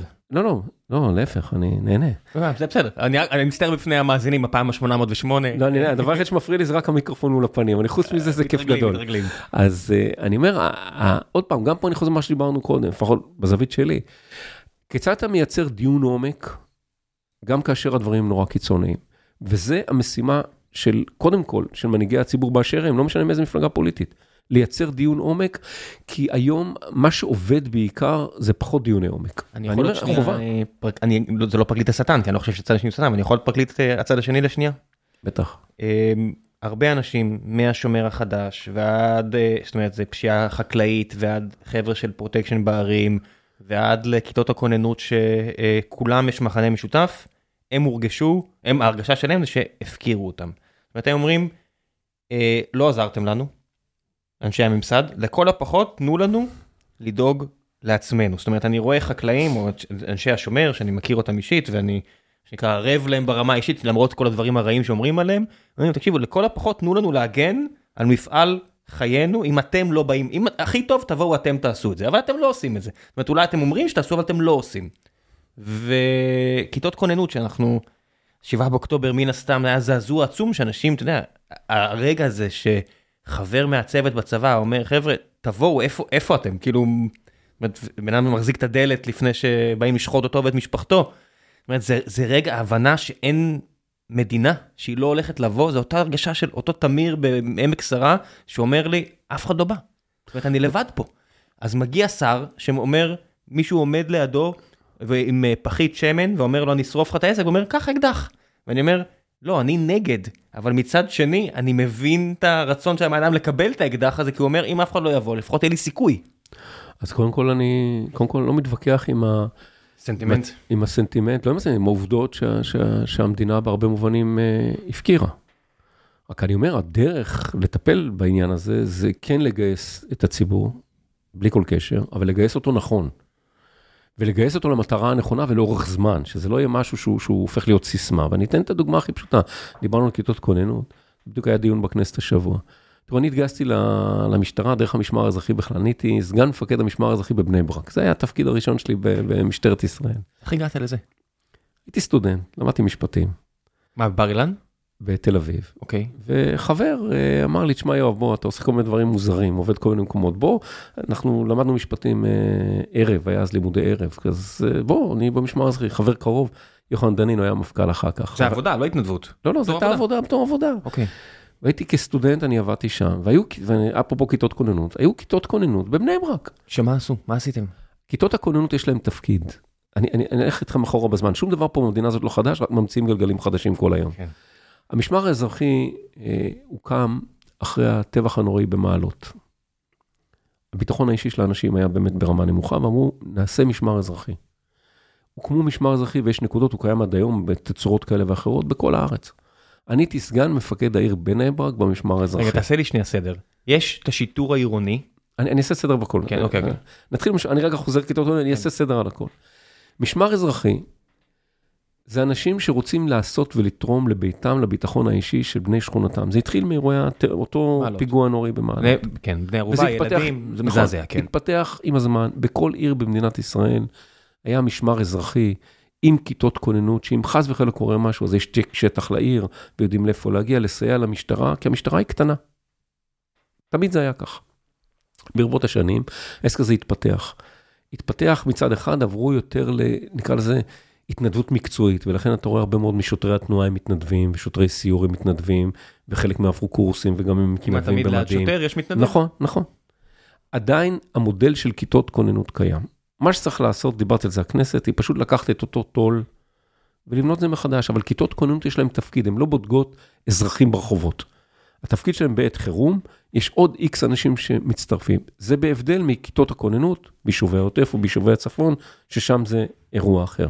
עד כאן כיתות כוננות, אבל בשום מודל אין מצב ששר מחלק נשק לאזרחים, או לפחות נחזה ככזה. כי זה לא כך, הוא לא באמת מחלק. אבל זה נחזה ככזה. עזוב את זה שהיצרנית של הנשק אמרה שאם תעשו את זה לא תקבלו נשק, כן? נכון, נחזה, למה אני אומר נחזה ככזה? כי זה הפופוליזם באירוע. ברור לנו שזה לא ככה. אבל אין שאלה שצריך, את אנשי השומר החדש, אנשים יקרים שמתנדבים, אני מכיר, אני עבדתי איתם בתיאום, בשיתוף פעולה. הם עובדים, והם בדרך כלל היום בנו מודל של עבודה, בעיקר הם עובדים בשיתוף פעולה עם משמר הגבול, על מנת שיהיה גם את הסמכות החוקית של חלק. הם לא חמושים גם, צריך הם לא חמושים. עכשיו, זה דבר מבורך, זה לא דבר שהוא לא טוב. התנדבות בעם הוא דבר שהיה משחר קיומה של מדינת ישראל. השאלה איזה שימוש אתה עושה בזה, אם אתה עושה את זה מקצועי, מסודר, חוקי, או שאתה משתמש בזה לצרכים אחרים. ולכן אני, אני מתחבר מאוד לסנטימנט. אחרי שאמרתי את כל זה, חוזר לשיח, לתחילת השיחה שלנו, אפרופו ביטחון לאומי.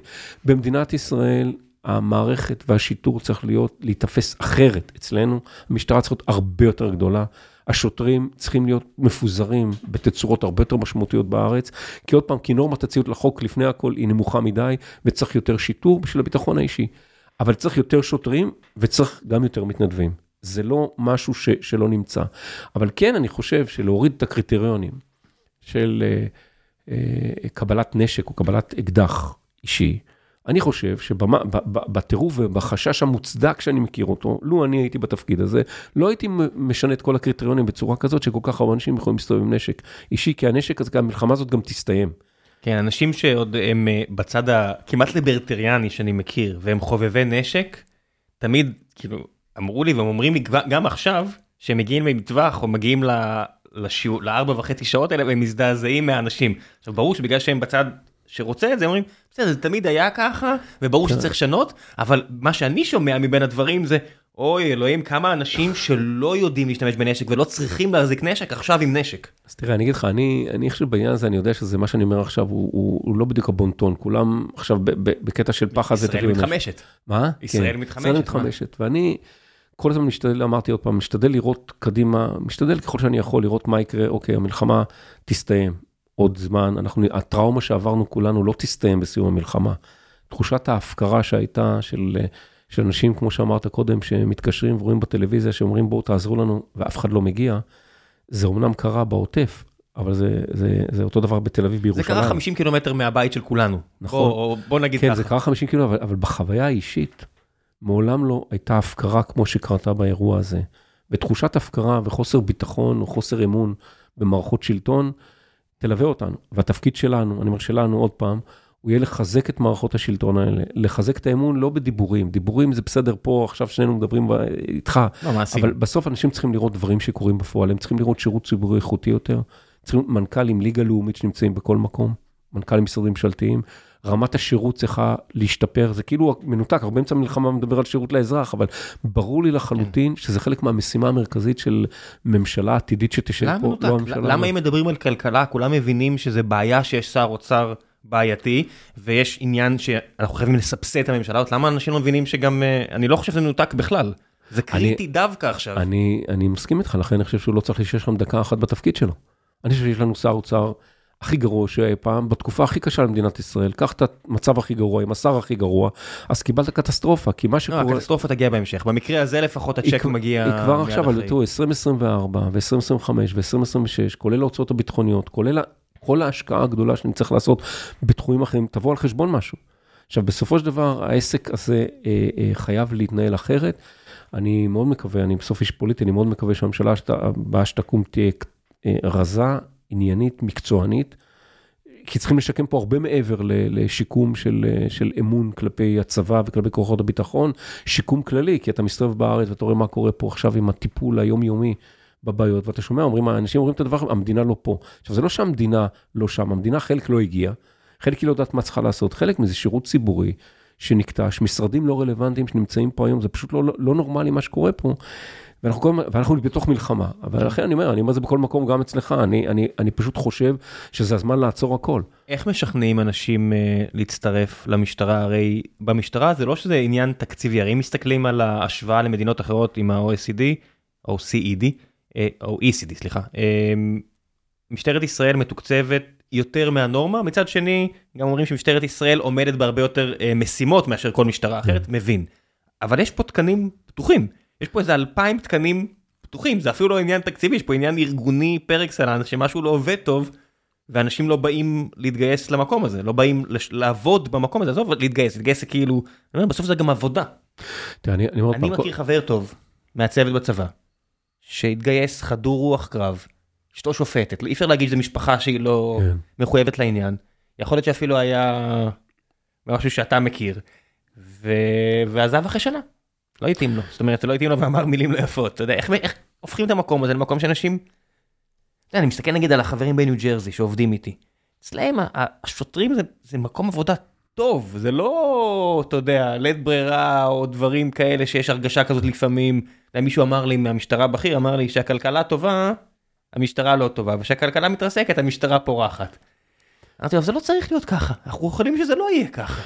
אני, אני חוזר איתך לנקודת ההתחלה, תראה, בסוף אנחנו צריכים שיהיו אנשים, לא רק שימלאו את התקנים, שיהיו אנשים איכותיים שמגיעים. בסוף אתה לא רוצה גם להוריד את, ה, את הרמה של האנשים שמתגייסים למשטרה. דבר נוסף, אני חושב שהוא הוא מאוד משמעותי. תראה, בסוף זה כן נוגע, אה, לא בסוף, בהתחלה נוגע בעניין של שכר. אה, אין מה לעשות. אה, שוטר זה עסק יקר למדינה, מבחינת אה, עלות אה, משכורת מעסיק. ממוצעת 19,000 שקל, הוצאה נלווית מסביב היא גבוהה מאוד. לא, ה- תראה, המשכורת הממוצעת היא לא 19,000, היום שוטר מתחיל 7,500 שקל. אבל בכוונה אמרתי, אני מצביע על כן. הבעיה, אם יש 19,000 וזה הממוצע, ושוטר אבל תראו, מתחיל אבל- מתחיל בשבע, ואז אחרי האקדמיה, או 11, שהאקדמיה נורא אבל עוד קצרה. פעם, אבל בסוף כשאנשים מגיעים לאיזשהו מקום, ואתה יודע יכול, והעבודה היא מאוד מאוד קשה, תראה, אני אומר, היא, היא קשה כל השנים. האחריות של המשטרה, יש לה אחריות, קוראים לזה אחריות שיורית, למרות לא, לא כתוב בשום מקום מדע המדינה, אבל כל מה שמישהו לא רוצה לטפל זה המשטרה, זה פחות או יותר. לשב"כ יש חוק מסודר, מה הוא עושה לכולם. בסוף המשטרה נקראת ויש לה אחריות על ביטחון הפנים. בסוף למשטרה, בניגוד לכל המשטרות האחרות בעולם, יש אחריות על ביטחון הפנים. יש לה את האחריות הזאת. הכוונה בניגוד לכל המשטרות האחרות בעולם. משטרות כחולות, זה, זה מחולק, נגיד בארצות הברית, אנחנו קודם כל, אנחנו קודם כל משטרה לאומית בהגדרה, לאומית במובן של מדינה, וארצית. כלומר, אין פה אה, משטרה מקומית ומשטרה פדרלית וכל הדברים כמו מבנים שמתוקצבת, אחרים. כן, אני עכשיו עושה בראש, שמתוקצבת- התקצוב והאחריות. אם אני עכשיו כן. ראש עיריית אה, ניו יורק או או כל מקום אחר, אז אני מחליט איך תראה המשטרה ומה יהיה שכר השוטר אצלי, פה זה לא. ולכן אני אומר, הדבר הראשון, אנשים לא אוהבים לדבר על זה, אבל אני חושב שזה הדבר הראשון. אתה צריך לגרום שבן אדם אה, מגיע למקום העבודה, ידע שתנאי השכר הבסיסיים שלו הם תנאי שכר טובים, סבירים, ובוודאי ובוודאי, אם אתה לא הולך להיות באיזשהו מקום, איזו חברה שעוסקת באבטחה, אתה מקבל יותר. עכשיו, זה עול תקציבי מאוד כבד, חוזר לנקודת ההתחלה. זה לא הייתה נשאלת השאלה הזאת בכלל, אם, מבינים, אם היינו מבינים כולנו, הממשלה, שזה חלק מביטחון לאומי. כלומר, זה סיפור מרכזי של ביטחון לאומי, אתה חייב שוטרים טובים באיכות טובה. אסור להוריד את הרף. אסור לגייס אנשים וכולי. דבר נוסף שהוא לא קשור לשכר, אני חושב שזה שינוי מאוד גדול שקרה במשק העולמי בכלל. אה, אני, כשאני התגייסתי, לא חשבתי שאני אצא לפנסיה במשטרה. כל שנה, פחות או יותר אמרתי, אני עוזב וזה. כמו בני גנץ, שאמר שכל שנה הוא אה, עוזב את צה"ל ובסוף היה רמטכ"ל. אבל התפיסה שלי הייתה, לא, אני אגיע שם ותהיה כן. פנסיה. זה לא היה משהו לפחות בתודעה. זה כולנו ככה, אתה יודע. אבל היום השתנה משהו, אנשים בכלל, מודל ההעסקה של אנשים, אתה מכיר זה טוב ממני, גם במקום שבו אתה נמצא. כן. אנשים, השיטה הזאת שאתה בא למקום עבודה ונקשר גורלך איתו לשלושים שנה הקרובות, מת. אולי רופאים, אני יודע מה. עכשיו, אתה, אתה, זמן שאתה משקיע בשוטר, להפוך שוטר לשוטר מקצועי טוב, זה משהו בין 4 ל-5 שנים. מעבר לקורסים, שהוא כבר, הוא יכול לעבוד לבד.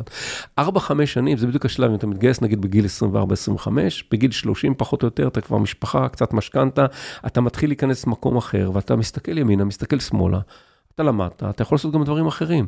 והמודל הכללי הוא של כל החברה היא, שאנשים עוברים ממקום למקום. ואז אתה מפסיד אתה מפסיד כל הזמן אנשים שיכולו להתפתח בהמשך הציר. השאלה איך אתה מחזיק אותם. עכשיו, חלק גדול, ופה אני אומר לזכותה של, של, של, של, שוטרים שמתגייסים, אתה כן נדבק באיזשהו חיידק. התחושה הזאת שאתה עושה משהו משמעותי היא, היא, היא שווה ערך, לא, זה לא תמיד שווה כסף, אבל זה, זה מאוד מאוד דבר שיושב בך עד גבול מסוים. עכשיו, אתה חייב להחזיק את, ה, את האירוע הזה ולהבין, אל מול הדבר הזה יש תהליכים, שאני מבין גם את מי שמניע אותם, אני חושב שזה הפוך למה שצריך לקרות, זה שאתה רוצה כל הזמן לייעל את המערכת. זאת אומרת, משרד האוצר או הממשלה באופן כללי רוצה לייעל, כי היא לא רוצה לשלם הרבה. אני לא קונה את המילה הזאת, המילה לייעל זה אומר שהתוצאה הסופית היא טובה יותר ולא בהכרח זולה יותר. אני אגיד לך מתחום אחר, אני אקפוץ, תמיד אומרים, תכניס טכנולוגיה, זה פחות קודם. לא נכון, יותר טכנולוגיה, יותר אנשים. כי תקבל יותר מידע. כן. נכון, יותר מידע.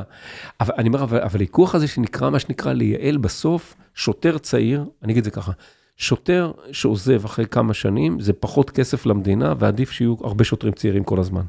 כי אמרת לבד על הממוצע. אתה מכיר את התחקיר אה, בשוויץ, זה תחקיר בשוויץ שהראו שתמיד היה טענה שמעשנים לא טובים לכלכלה.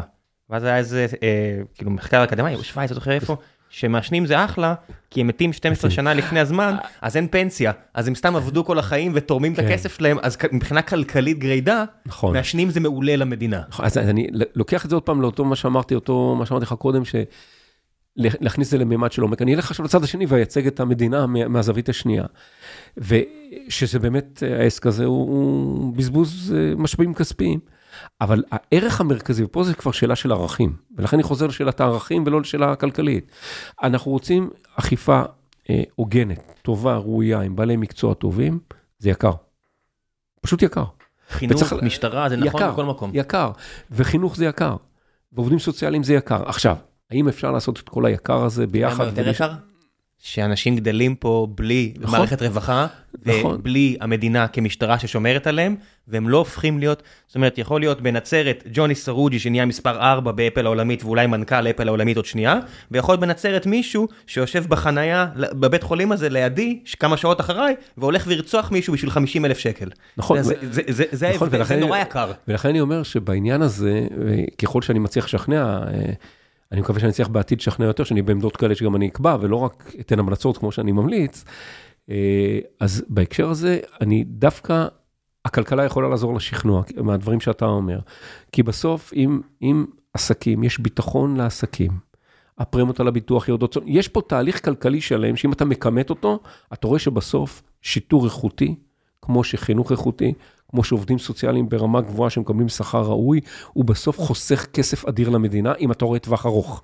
אם אתה רואה רק טווח קצר את התקציב הבא, אתה צודק. אם אתה רואה 20 שנה קדימה, אתה מייצר בעיקר חברה ערכית יותר, טובה יותר.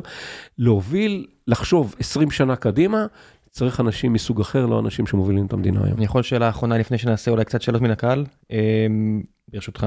שאלה גם קונטרוברסלית. אמ, משהו שקצת יושב לי בראש אה, ומעיק עליי. משפטי נתניהו. כן. כמי שהיה בחלק מהמשפטים הכי משמעותיים של אנשי ציבור בעמדות מפתח, והיית בחלק מהחקירות האלה ככוח מניע, הירשיזון, ליברמן, זאת אומרת, היית שם בכל המשפטים הענקיים, מן הסתם אולמרט, כן, זה היית אתה. מה אמ, לכל הרוחות קורה פה? זאת אומרת, זה, זה הגיוני, זה טוב מה שקרה פה? זאת אומרת, זה כמות כוח אדם שהושקעה לעומת האפשרות להרשעה, זאת אומרת, זה הולך להרשעה, מה, מה זה, זה נראה כמו משהו שאם מישהו יסתכל מהצד, מבחוץ, הוא אחד המאורעות הגדולים של העשור האחרון ומבחינת ההשפעה שלהם. זאת אומרת, אני, נגיד, ישב פה יובל דיסקין, ואמר, עד 2015 היה בן אדם אחד, מ-2015 בן אדם אחר. זאת אומרת, זה בהלימה אחת, זה קורולציה, לא סיבתיות, אבל כאילו ההחלטה לצאת לדרך הזו שינתה את המדינה ממש. אני מבין שזו שאלה גדולה ולא שאלתי בעצם, לא, לא, אבל לא, זה, אני... זה משהו שאני לא יכול שלא לחשוב עליו. לא, אז אני, אני, אתן, אני אתן את התשובה הכי קצרה שאני יכול. היו חייבים להיכנס לחקירה הזו, יכולים לפתוח את החקירה הזו, צריכים לחקור, היו צריכים לחקור לטעמי אחרת, יותר מהר. יותר מהר. יותר מהר, יותר זריז. לייצר ודאות יותר מהירה. הליכים, לא היה צריך להסכים שיימשכו ככה הרבה זמן. זה היה תפסת מרובה לא תפסת? העובדה שזה ארבעה תיקים? אני לא יודע אם תפסת מרובה לא תפסת בעניין הזה כמו הקצב. אני חושב שהקצב היה איטי מדי. לא, אני אומר שאתה עושה אה, ארבע, סליחה, ארבעה תיקים, זה הרבה יותר מאשר תיק אחד. מבחינת להקדיש את המאמצים והמשאבים אבל, וזמן. אבל אה, תראה, גם, אני לא רוצה ללכת אחורה, אחורה יותר מדי, אבל תראה, התיקים של אה, אהוד אולמרט היו תיקים גדולים מאוד. התנהלו במהירות מאוד מאוד גדולה. גדולים כמו התיקים של בנימין נתניהו? אני לא יודע להשוות, כי אני לא, לא מכיר לא את התיקים. עכשיו, אוקיי. אבל היו תיקים מאוד גדולים, גם כן ראש ממשלה מכהן, וזה היה מהיר, יחסית, לדעתי תוך שמונה חודשים, עשרה חודשים היה כבר כתב אישום. היה פה יותר מדי זמן, משכו בקבלת ההחלטות. ואמרתי על הביקורת שלי על משיכת הזמן, לא ידעתי שתשאל על זה, התכוונתי לזה, אבל לא רק לזה. אתה חייב לבצע, ואם בדרך אתה חייב לחתוך מהר יותר, תחתוך מהר יותר. ההליכים ארוכים מדי, שההליכים ארוכים מדי, הם מייצרים סימני שאלה גדולים על, על, על הכוונות, על המניעים, ואז התחלנו לדיון לא על התיקים, אלא על המניעים. על המניעים של האנשים שהחליטו. מתחילה קונספירציה, מתחילה מחשבה שהיא, היא, היא, היא, מוס... אתה יודע, היא מרכיבה את המדינה הזו. היא תמיד קיימת, ושיש לך אה, אה, נאשם שנאבק בכל כוחו ובכל עוצמתו, ויש לו כוח ויש לו עוצמה, והוא מפעיל את כל אנשיו בהקשר הזה, אז בוודאי זה מתעצם עוד יותר, ואת זה צריך לראות קודם. לעצם העניין זה היה נכון לעשות את זה. כל אלטרנטיבה אחרת היא, היא, היא רעה יותר. ולכן אני חושב שהשגיאה הגדולה, אם אני יכול להגיד שגיאה, הייתה במהירות של קבלת ההחלטות. מהירות של קבלת החלטות בפתיחה בחקירה, לכל אורך הדרך. כל המהירות, יש לה משמעות לאכיפה, היה אה, איטי מדי. גם קבלת ההחלטות של היועץ בזמנו, על הגשת כתבי האישום, הכל איטי מדי. אה, ולכן אה, זה, זה, זה דבר רע. תוסיף את כל הסיפור הפוליטי, מערכות בחירות, כל הסיפור מסביב לעניין הזה, אבל עוד פעם, אתה מחפש את ה... אני אומר עוד פעם, מחפשים כל הזמן את ה... מה קרה, מה שקרה זה ראש ממשלה. זה עדיין קורה. זה עד... מה שקרה, שוכחים, זה עדיין קורה. עדיין קורה, ולדעתי אסור לשכוח את העניין הזה, כי אנחנו נמצאים גם במלחמה וזה עדיין קורה. אני, אני אפילו לא מבין, זאת אומרת, יש משפט נגד בן אדם, מה קורה במשפט? המשפט מתנהל? המשפט נעצר? לא, אני אפילו לא יודע בירוקרטית לא, מה לא, קורה. אז בירוקרטית כרגע משפט אה, נעצר באיזשהו מקום. הוא נעצר כי גם בתי המשפט לא מתנהלים באותה דרך בתקופה הזו של המלחמה. אבל אני אומר, כשאני שם את כל הדבר הזה בצד, אני תמיד שואל את עצמי מה האלטרנטיבה. האם אנחנו רוצים להגיע למצב שיש לנו מדינה, שיש לנו אה, נבחר ציבור בכיר, במקרה הזה ראש ממשלה, שמצא עבירות פליליות קשות ואנחנו מוותרים לו? לכאורה, לא. רגע, עבירות פליליות נהיה הוגנים, נגיד אה, עד שלא יוכח אה, בבית לא, לא, בסדר, אבל אני אומר, האם אתה, מה, מה המסקנה? אנחנו אה, נסגור כי, כי מה? אין מצב כזה. היה, אה, גם הוא לא הראשון, היה נשיא מדינה שכבר ישב בכלא, ראש ממשלה שישב בכלא, שר אוצר שישב בכלא. זה, זה לא של פעם ראשונה מתמודדים עם משהו. כן, זה לא שמדינות אחרות, זאת אומרת, ניקסון שהיה על עבירות מאוד משמעותיות, אה, קיבל חנינה ויצא לשנים נהדרות שהוא שיקם את המוניטין אה, שלו, והמדינה מתנהלת כסדרה עם חוקה ועם הכל. זה לא בהכרח אומר שיש רק דרך אחת. לא, אבל במקרה הזה, במבנה המשטרי שלנו, במבנה המשפטי שלנו יש רק דרך אחת, או שיש ראיות, אתה מגיש כתב אישום, או שאין ראיות, אתה לא מגיש כתב אישום. אין אופציה שלישית. מה זה שונה לעומת מדינות אחרות? כי מדינות אחרות, בהקשר הזה, א', אה, אה, בסיפור של ניקסון, אני לא מכיר את כל הפרטים לעומק. גם אני לא, בגלל זה אני שואל. אני לא חושב, אני לא חושב שהתנהלה שם חקירה פלילית, אני לא יודע, אני לא רוצה אה, להטעות. אוקיי. זה גם עבירה שהיא הרבה יותר...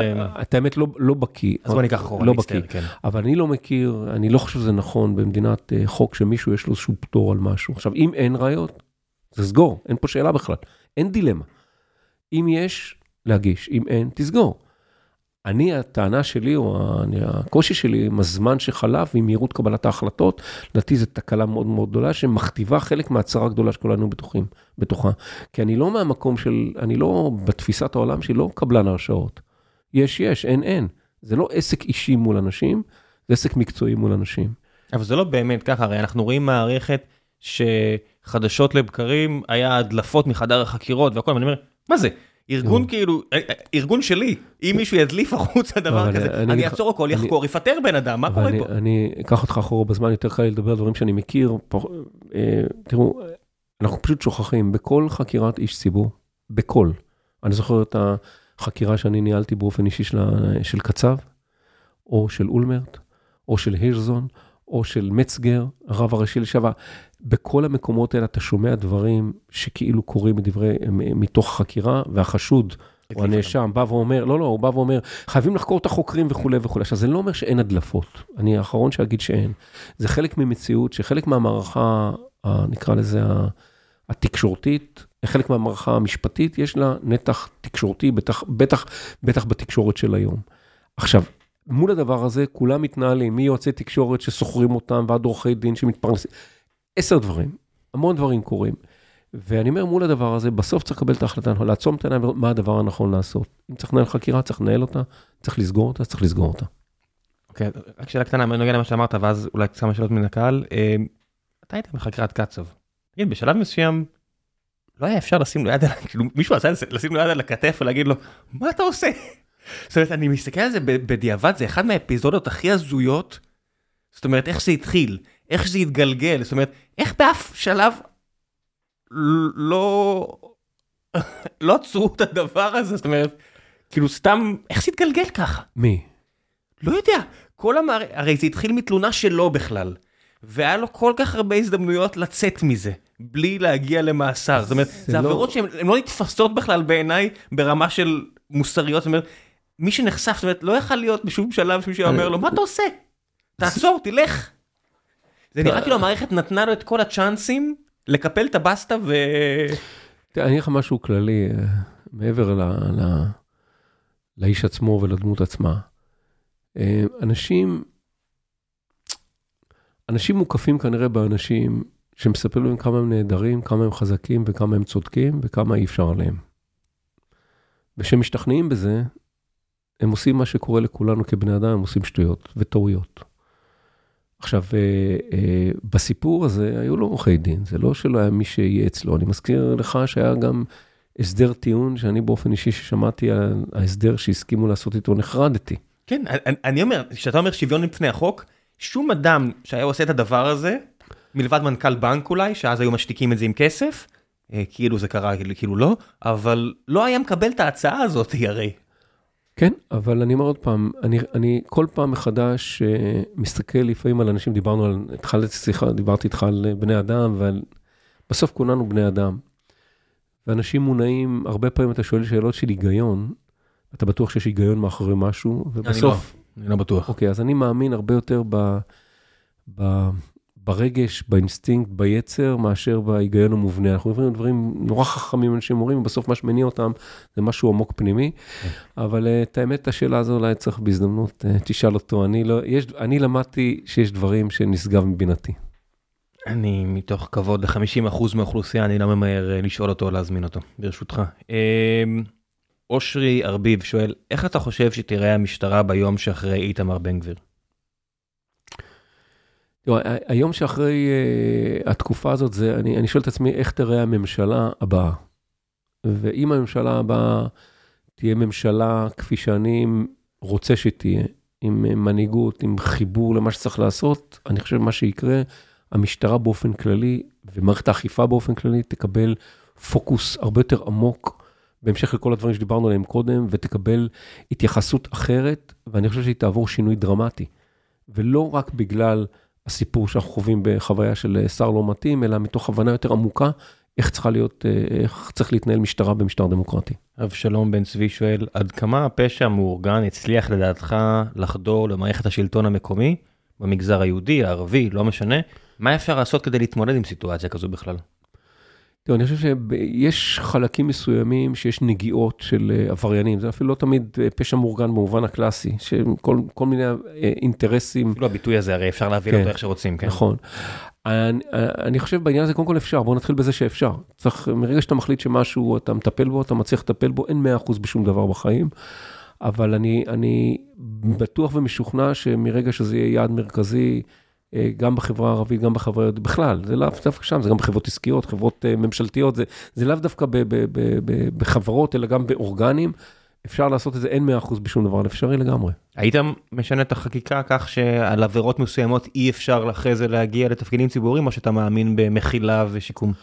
לא, לא, אני, אני, אני קודם כל אני מאמין במחילה ושיקום. אבל בין זה לבין להגיד בוא אני מנהיג שלך מחר בבוקר זה הפער כלומר אני אני אומר לא מנהיג אם ראש ראש עירייה זה מנהיג. כן כן כן ראש עירייה זה מנהיג כן כן אני אני אומר מרגע שבן אדם עשה עבירות פליליות חמורות והוא אה, נדון בהם. אני חושב שה... יצא אשם, זה לא רק נדון בהם. לא, לא, יצא אשם, כלומר, כן. אשמתו הוכחה לפחות בית המשפט. אני בעד מחילה במישור האישי, תעשה מה שאתה רוצה, תעשה לביתך, תצליח בעסקים, תעשה מה שאתה רק רוצה. אבל לא תפקיד ציבורי. לא תפקיד ציבור. אני חושב שזה משהו שהוא מסר מאוד מאוד משמעותי, ערכי. אה, לא הכל משפט, אתה יודע, אנחנו מחפשים תמיד את, ה, את, ה, את המחילה ואת ההתיישנות, ואני אומר, הרף הערכי שאנחנו צריכים לסמן למנהיגים שלנו, בכולם, הוא צריך להיות מאוד מאוד ברור. ואין פה, מבחינתי, אין פה פשרות בכלל. ליאור שואל, אה, ליאור אדולס היקר שואל, מה דעתך על תוכנית הממשלה הנוכחית לאפשר למחלקת, למחלקה לחקירת שוטרים לחקור גם נושאי תפקידים בפרקליטות? ומה לגבי התוכנית להכפיף את מחלקה זו לשר המשפטים? האם אתה מכיר מודלים מקבילים במדינות אחרות? מה נהוג לעשות? תראה, אני חושב שהמודל היום, תראו, אתם יודעים שהמודל היום הוא מודל, המודל המקורי היה דרך אגב. מה, של מח"ש? לא, לא, לפני מח"ש, החקירות נעשו בתוך, בתוך משטרת ישראל, מחלקה לחקירות פנים. כשאתה התגייסת ככה זה היה? כן. בהמשך הדרך, בגלל אה, אה, טענות מוצדקות לדעתי, שזה לא נכון שהמשטרה תחקור את עצמה, זה עבר למחלקה במשרד המשפטים אה, אה, שכפופה לפרקליט המדינה. אני חושב שזה המודל הנכון. הכפפה לדרג פוליטי בשום פנים ואופן לא. ביקורת על הפעילות שלה מתי שהיא לא מספיק טובה, בוודאי כן, כמו כל דבר אחר. לגבי עצם השאלה, אה, לחקור נושאי משרד נוספים, צריך להבין פה מה האג'נדה. יש פה אג'נדה שלמה להלך אימים על, על פרקליטים בתוקף תפקידם, ולכן לזה אני מתנגד. אני חושב שהמודל הזה הוא מודל נכון, ואם יש בעיות בתפקוד, צריך לטפל בתפקוד. אליעד מרקוביץ' שואל על המפלגה שלכם, על העניין של הפריימריז. אה, בסופו של דבר, אנחנו רואים, זאת אומרת, אני, אני אשלים, אני אומר, אני רואה מה קורה במפלגת הליכוד בטח, מפלגת העבודה בטח. יש הרבה מינוסים בפריימריז. מצד שני, יש ערך דמוקרטי, ודמוקרטי זה טוב. זאת אומרת, איך מיישבים, כן. כמו כל דבר אחר, איפה מוצאים את ה trade off פה? מה דעתך האישית? לא, הדעה שלי, תראו, אני, אני יודע, ש... גם להיות, אה, אה, אני יודע לאיפה אני נכנסתי, וברור לגמרי שהמפלגה במבנה שלה היום, היא איננה משדרת דמוקרטיה בהליכים הפנימיים שלה. ואני כל הזמן שאלתי את עצמי, גם כשאני נכנסתי, מה הערך המוגן העדיף מבחינתי? האם מפלגה שבה לכאורה, אני אומר לכאורה, יש בה בחירות דמוקרטיות, ברגע שאתה נבחר, אתה, אתה מנוע משום דבר, אתה כפוף רק ל, אה, ל, ליושב ראש המפלגה, במקרה אני אתן את הדוגמה של הליכוד או, או מקום אחר, או המודל הזה. שני המודלים לא טובים. אני כבר אומר, צריך למצוא איזה משהו באמצע. אנחנו... טוב, לא טוב, זה מה שעובד מבחינתי, אני לא יודע אם יש אידאה פה. לא, לא, אני חושב, שהאיד... אני חושב שהייתי רוצה, אני חושב שבתהליך ההתבגרות של מפלגה, ואנחנו כבר מספיק מבוגרים, לייצר מהלך שזה גם וגם. אני חושב שגם ועדה מסדרת זה דבר חשוב, הוא מייצר איזון, וגם פריימריז שמאפשרים לאנשים אולי פחות מוכרים, אבל להיכנס פנימה ולא רק שיהיה מפלגה של אנשים מוכרים. למה זה אידאה? זאת אומרת, אני מסתכל נגיד על, בדיוק סיימתי את הביוגרפיה של אה, אריק שרון, ואחרי מלחמת לבנון בא אליו ישראל כץ, זה לפני 40 שנה, 40 שנה, זה לא עכשיו.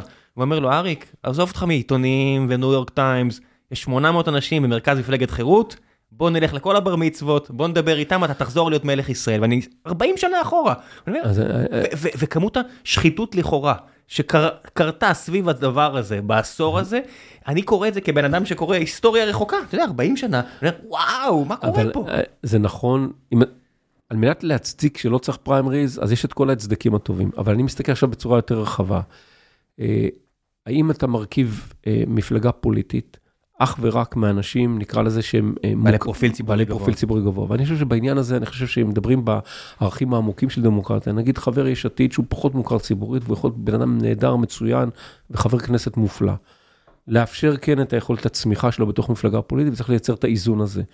צריך לייצר איזון, אני, אני בעד בסופו של דבר איזונים. הוא צריך להגיע לבני אדם, זה או שהוא מגיע כי הוא, יש לו אה, שיעור ציבורית מספיק גבוהה, או שהוא משכנע את חברי מרכז, בסופו של דבר הוא צריך נכון. לעשות את העבודה הזו, כן? נכון, אבל ברגע שאתה מייצר איזשהו איזון בין שני הדברים האלה, והאיזון הוא, הוא, הוא יכול להיות ב, ב, במקומות, נגיד במקומות שאתה יכול, נגיד בכל, בכל אה, יודע, בכל אה, כל חמישייה אחד ש, שעשה את דרכו בדרך הזאת, אתה מייצר איזון בין אנשים שהם מקצוענים, מקצועיים, ש, שנכנסו לחיים הפוליטיים. ואני אומר פה, אני, אני במרכאות מפונק, בסדר? אני החלטתי להיכנס ליש עתיד ב-2016, נבחרתי לכנסת, לא נכנסתי, אני נכנסתי לא לקראת בחירות, נכנסתי הרבה קודם בשביל להכיר את המערכת.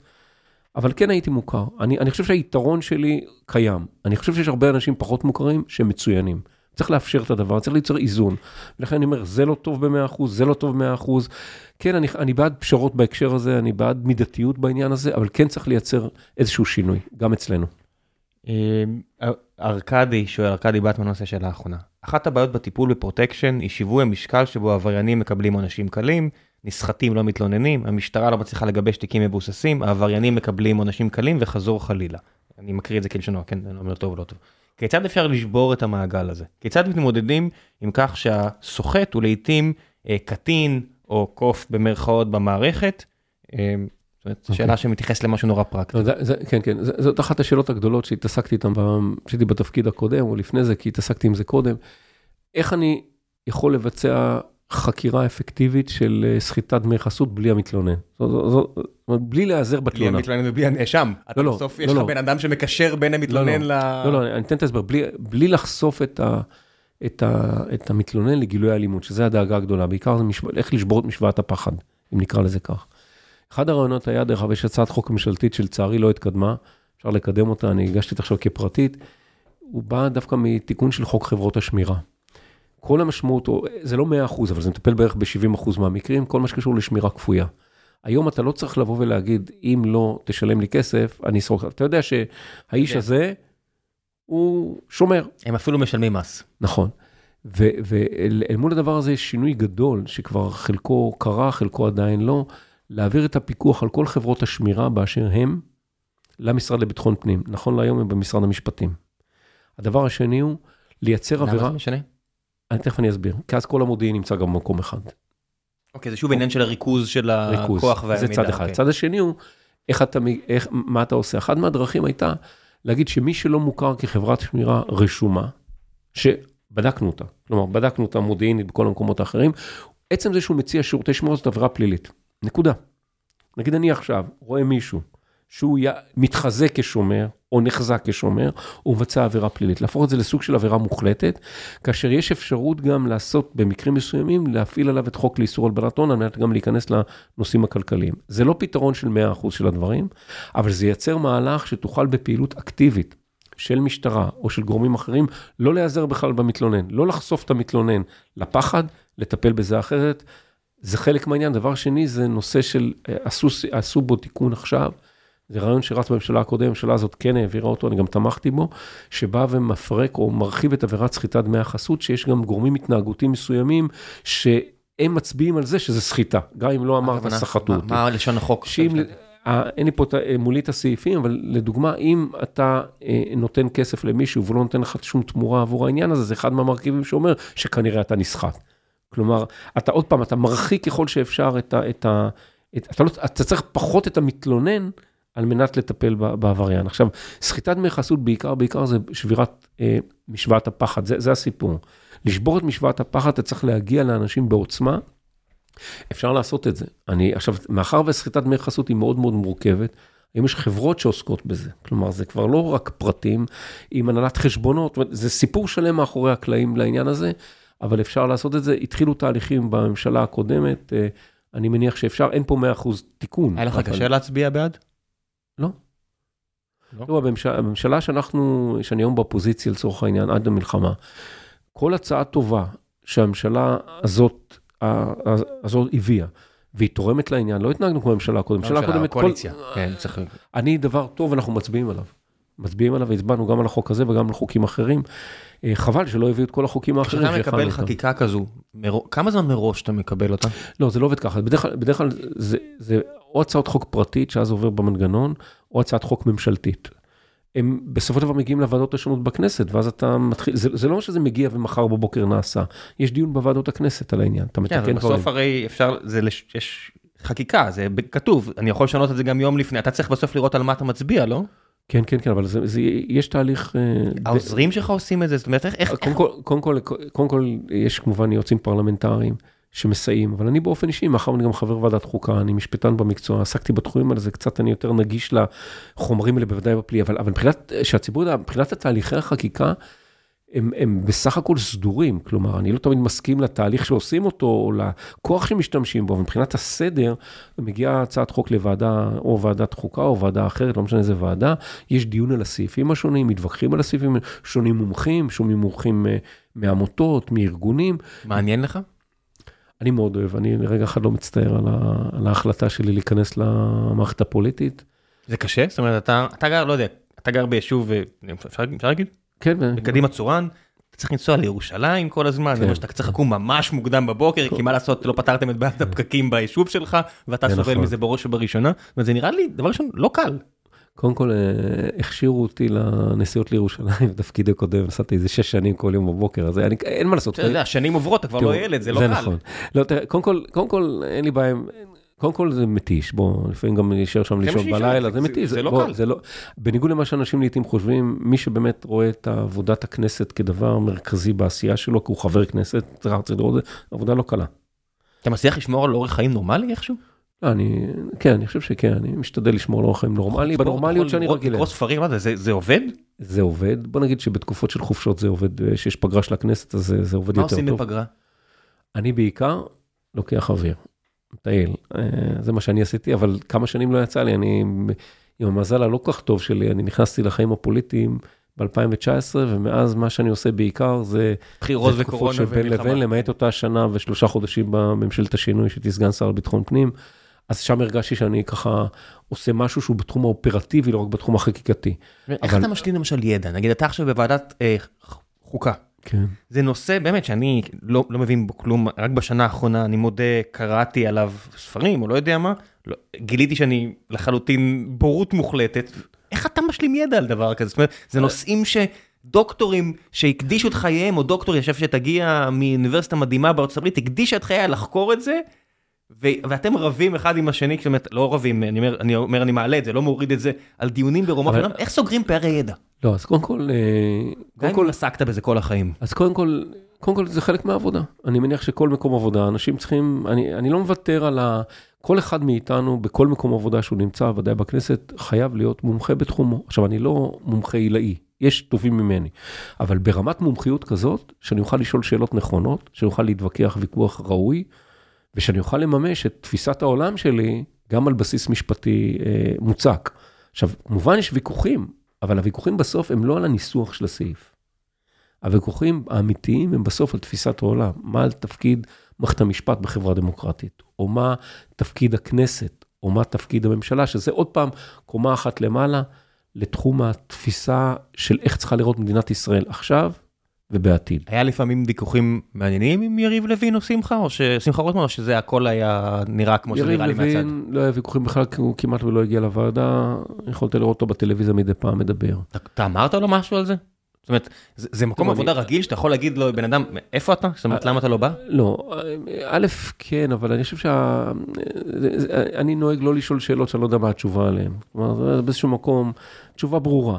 אין לו שום עניין היה להגיע לשם, אמר את שלא, רוצה לקדם את הסיפור הזה, לצורך העניין, אה, שמחה רוטמן. כי הוא לא צריך באמת, שם. בעצם, שת... הוא, כי, הוא, כי יש להם רוב? הוא לא צריך אותי. בפועל, החוויה, אם תשאל אותי באמת מה החוויה, איפה, לא שאלת, אז אני אשאל את עצמי, וברשותך אני אענה. כן. החוויה, תראה, החוויה, אם יש חוויה אחת קשה באיזשהו מקום, שאתה בא למגרש, אתה יודע מראש, פחות או יותר, מה התוצאה, כי יש רוב, היכולת שלך לשכנע את מי שנמצא מהעבר השני כמעט לא קיימת. דרך אגב, חברי הקואליציה כמעט לא באים לדיונים בוועדות.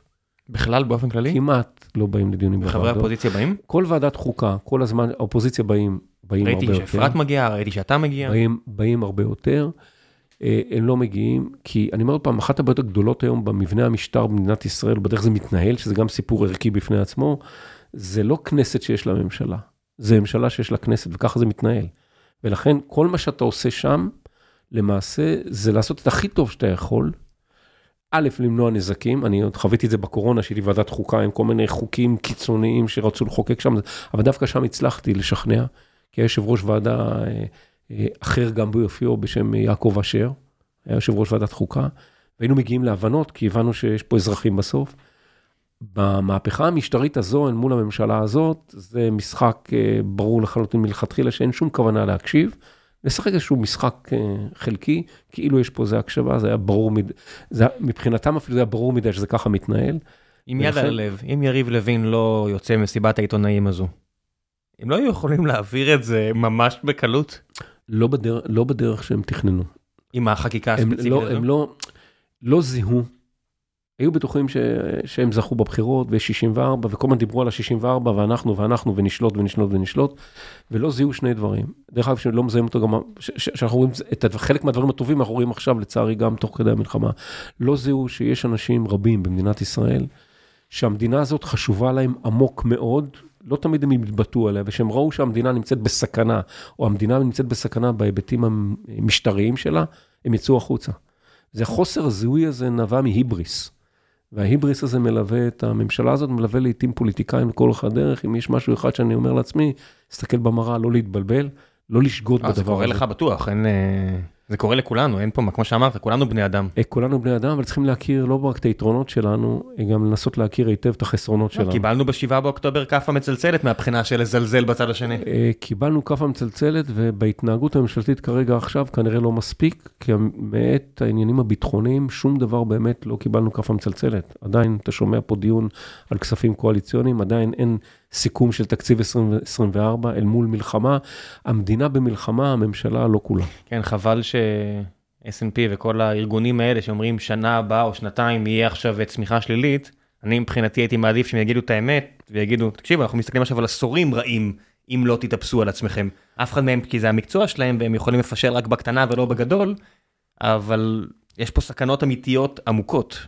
יש פה סכנות אמיתיות עמוקות, ואל מול הסכנות האלה אנחנו לא, כרגע לפחות, הממשלה הזאת לא, לא מתפקדת, ואני מאוד מקווה שיהיה שינוי, שפה תהיה תנועה, ואל מול הדבר הזה יהיה פה שינוי פוליטי משמעותי בטווח קצר, למרות המלחמה, ושיהיה פה שינוי, שיהיו את האנשים הנכונים במקומות הנכונים, שיהיה מצומצם יותר, כן, והאזרחים יהיו לפני במרכז. שאתה באת קראתי שגם חברת כנסת מהקואליציה אמרה שימיה של הממשלה הזאת ספורים, אבל אני כבר לא, אני לא סופר את הדברים האלה כי מילים נהיו מאוד זולות בשנה האחרונה, מאוד מאוד זולות. אני לא מאמין לשום דבר עד שהוא קורה בהקשר הזה. אני חושב שיש פה תקופה דרמטית ארוכה לפנינו. הממשלה הזאת לא תצליח לעבור את התקופה הזאת, אבל הממשלה לא מעניינת. האזרחים צריכים לה, להסתכל למעלה או הצידה או לצדדים ולהגיד שיש מדינה בישראל ויש ממשלה. כן, בין 73 ל-84, 85, תוכנית הייצוב היו 11-12 שנים, אני לא חושב שיש לנו 11-12 שנים עכשיו, אתה יודע, אני, אחד הדברים שהכי מדאיגים אותי ברמה האישית והכי מעציבים אותי, ואמרתי את זה כמה פעמים, שחבר שהיה פה שנה, אחרי 15 שנה שהוא לא היה כאן, וחזר לקליפורניה, אומר לי אה, שבשלושה שבועות האחרונים הצטרפו לשלושה ילדים שלו, 13 ילדים ישראלים חדשים. אנחנו שומעים על הגל, אולי תהיה גלי עלייה, אולי הכל, אני אומר, כן. אל תזלזלו בכך שלמי שיכול, יש מקומות לא פחות טובים, אם לא טובים הרבה יותר בחוץ, ואי אפשר לזלזל בזה. זאת אומרת, אני, אה, אני לא מזלזל בזה, אבל ברור לגמרי שאם המגנט שלנו לא יחזור להיות אה, ממוגנט נכון, זה יכול להיות הרבה יותר גרוע בתחום אחר. ומעשית, זאת אומרת דברים, זה מה ששבר את הבן אדם הזה ואני אומר את זה, כי הבת שלו הייתה פה וסיפרה לי, זה מערכת החינוך, ולא הפיכה שיפוטית ולא הכל זה ברור שזה הפגינו והפריע להם, ואחרי שנים בקליפורניה היא מאוד אה, אקטיביסטית כן. הילדה, אבל אה, מערכת החינוך שברה אותם יותר מהכל. צריכים להבין שמה שאמרת, זאת אומרת אם אני אעשה קו ישיר על כמות המיסים שהמדינה איבדה על המשפחה הזו בלבד,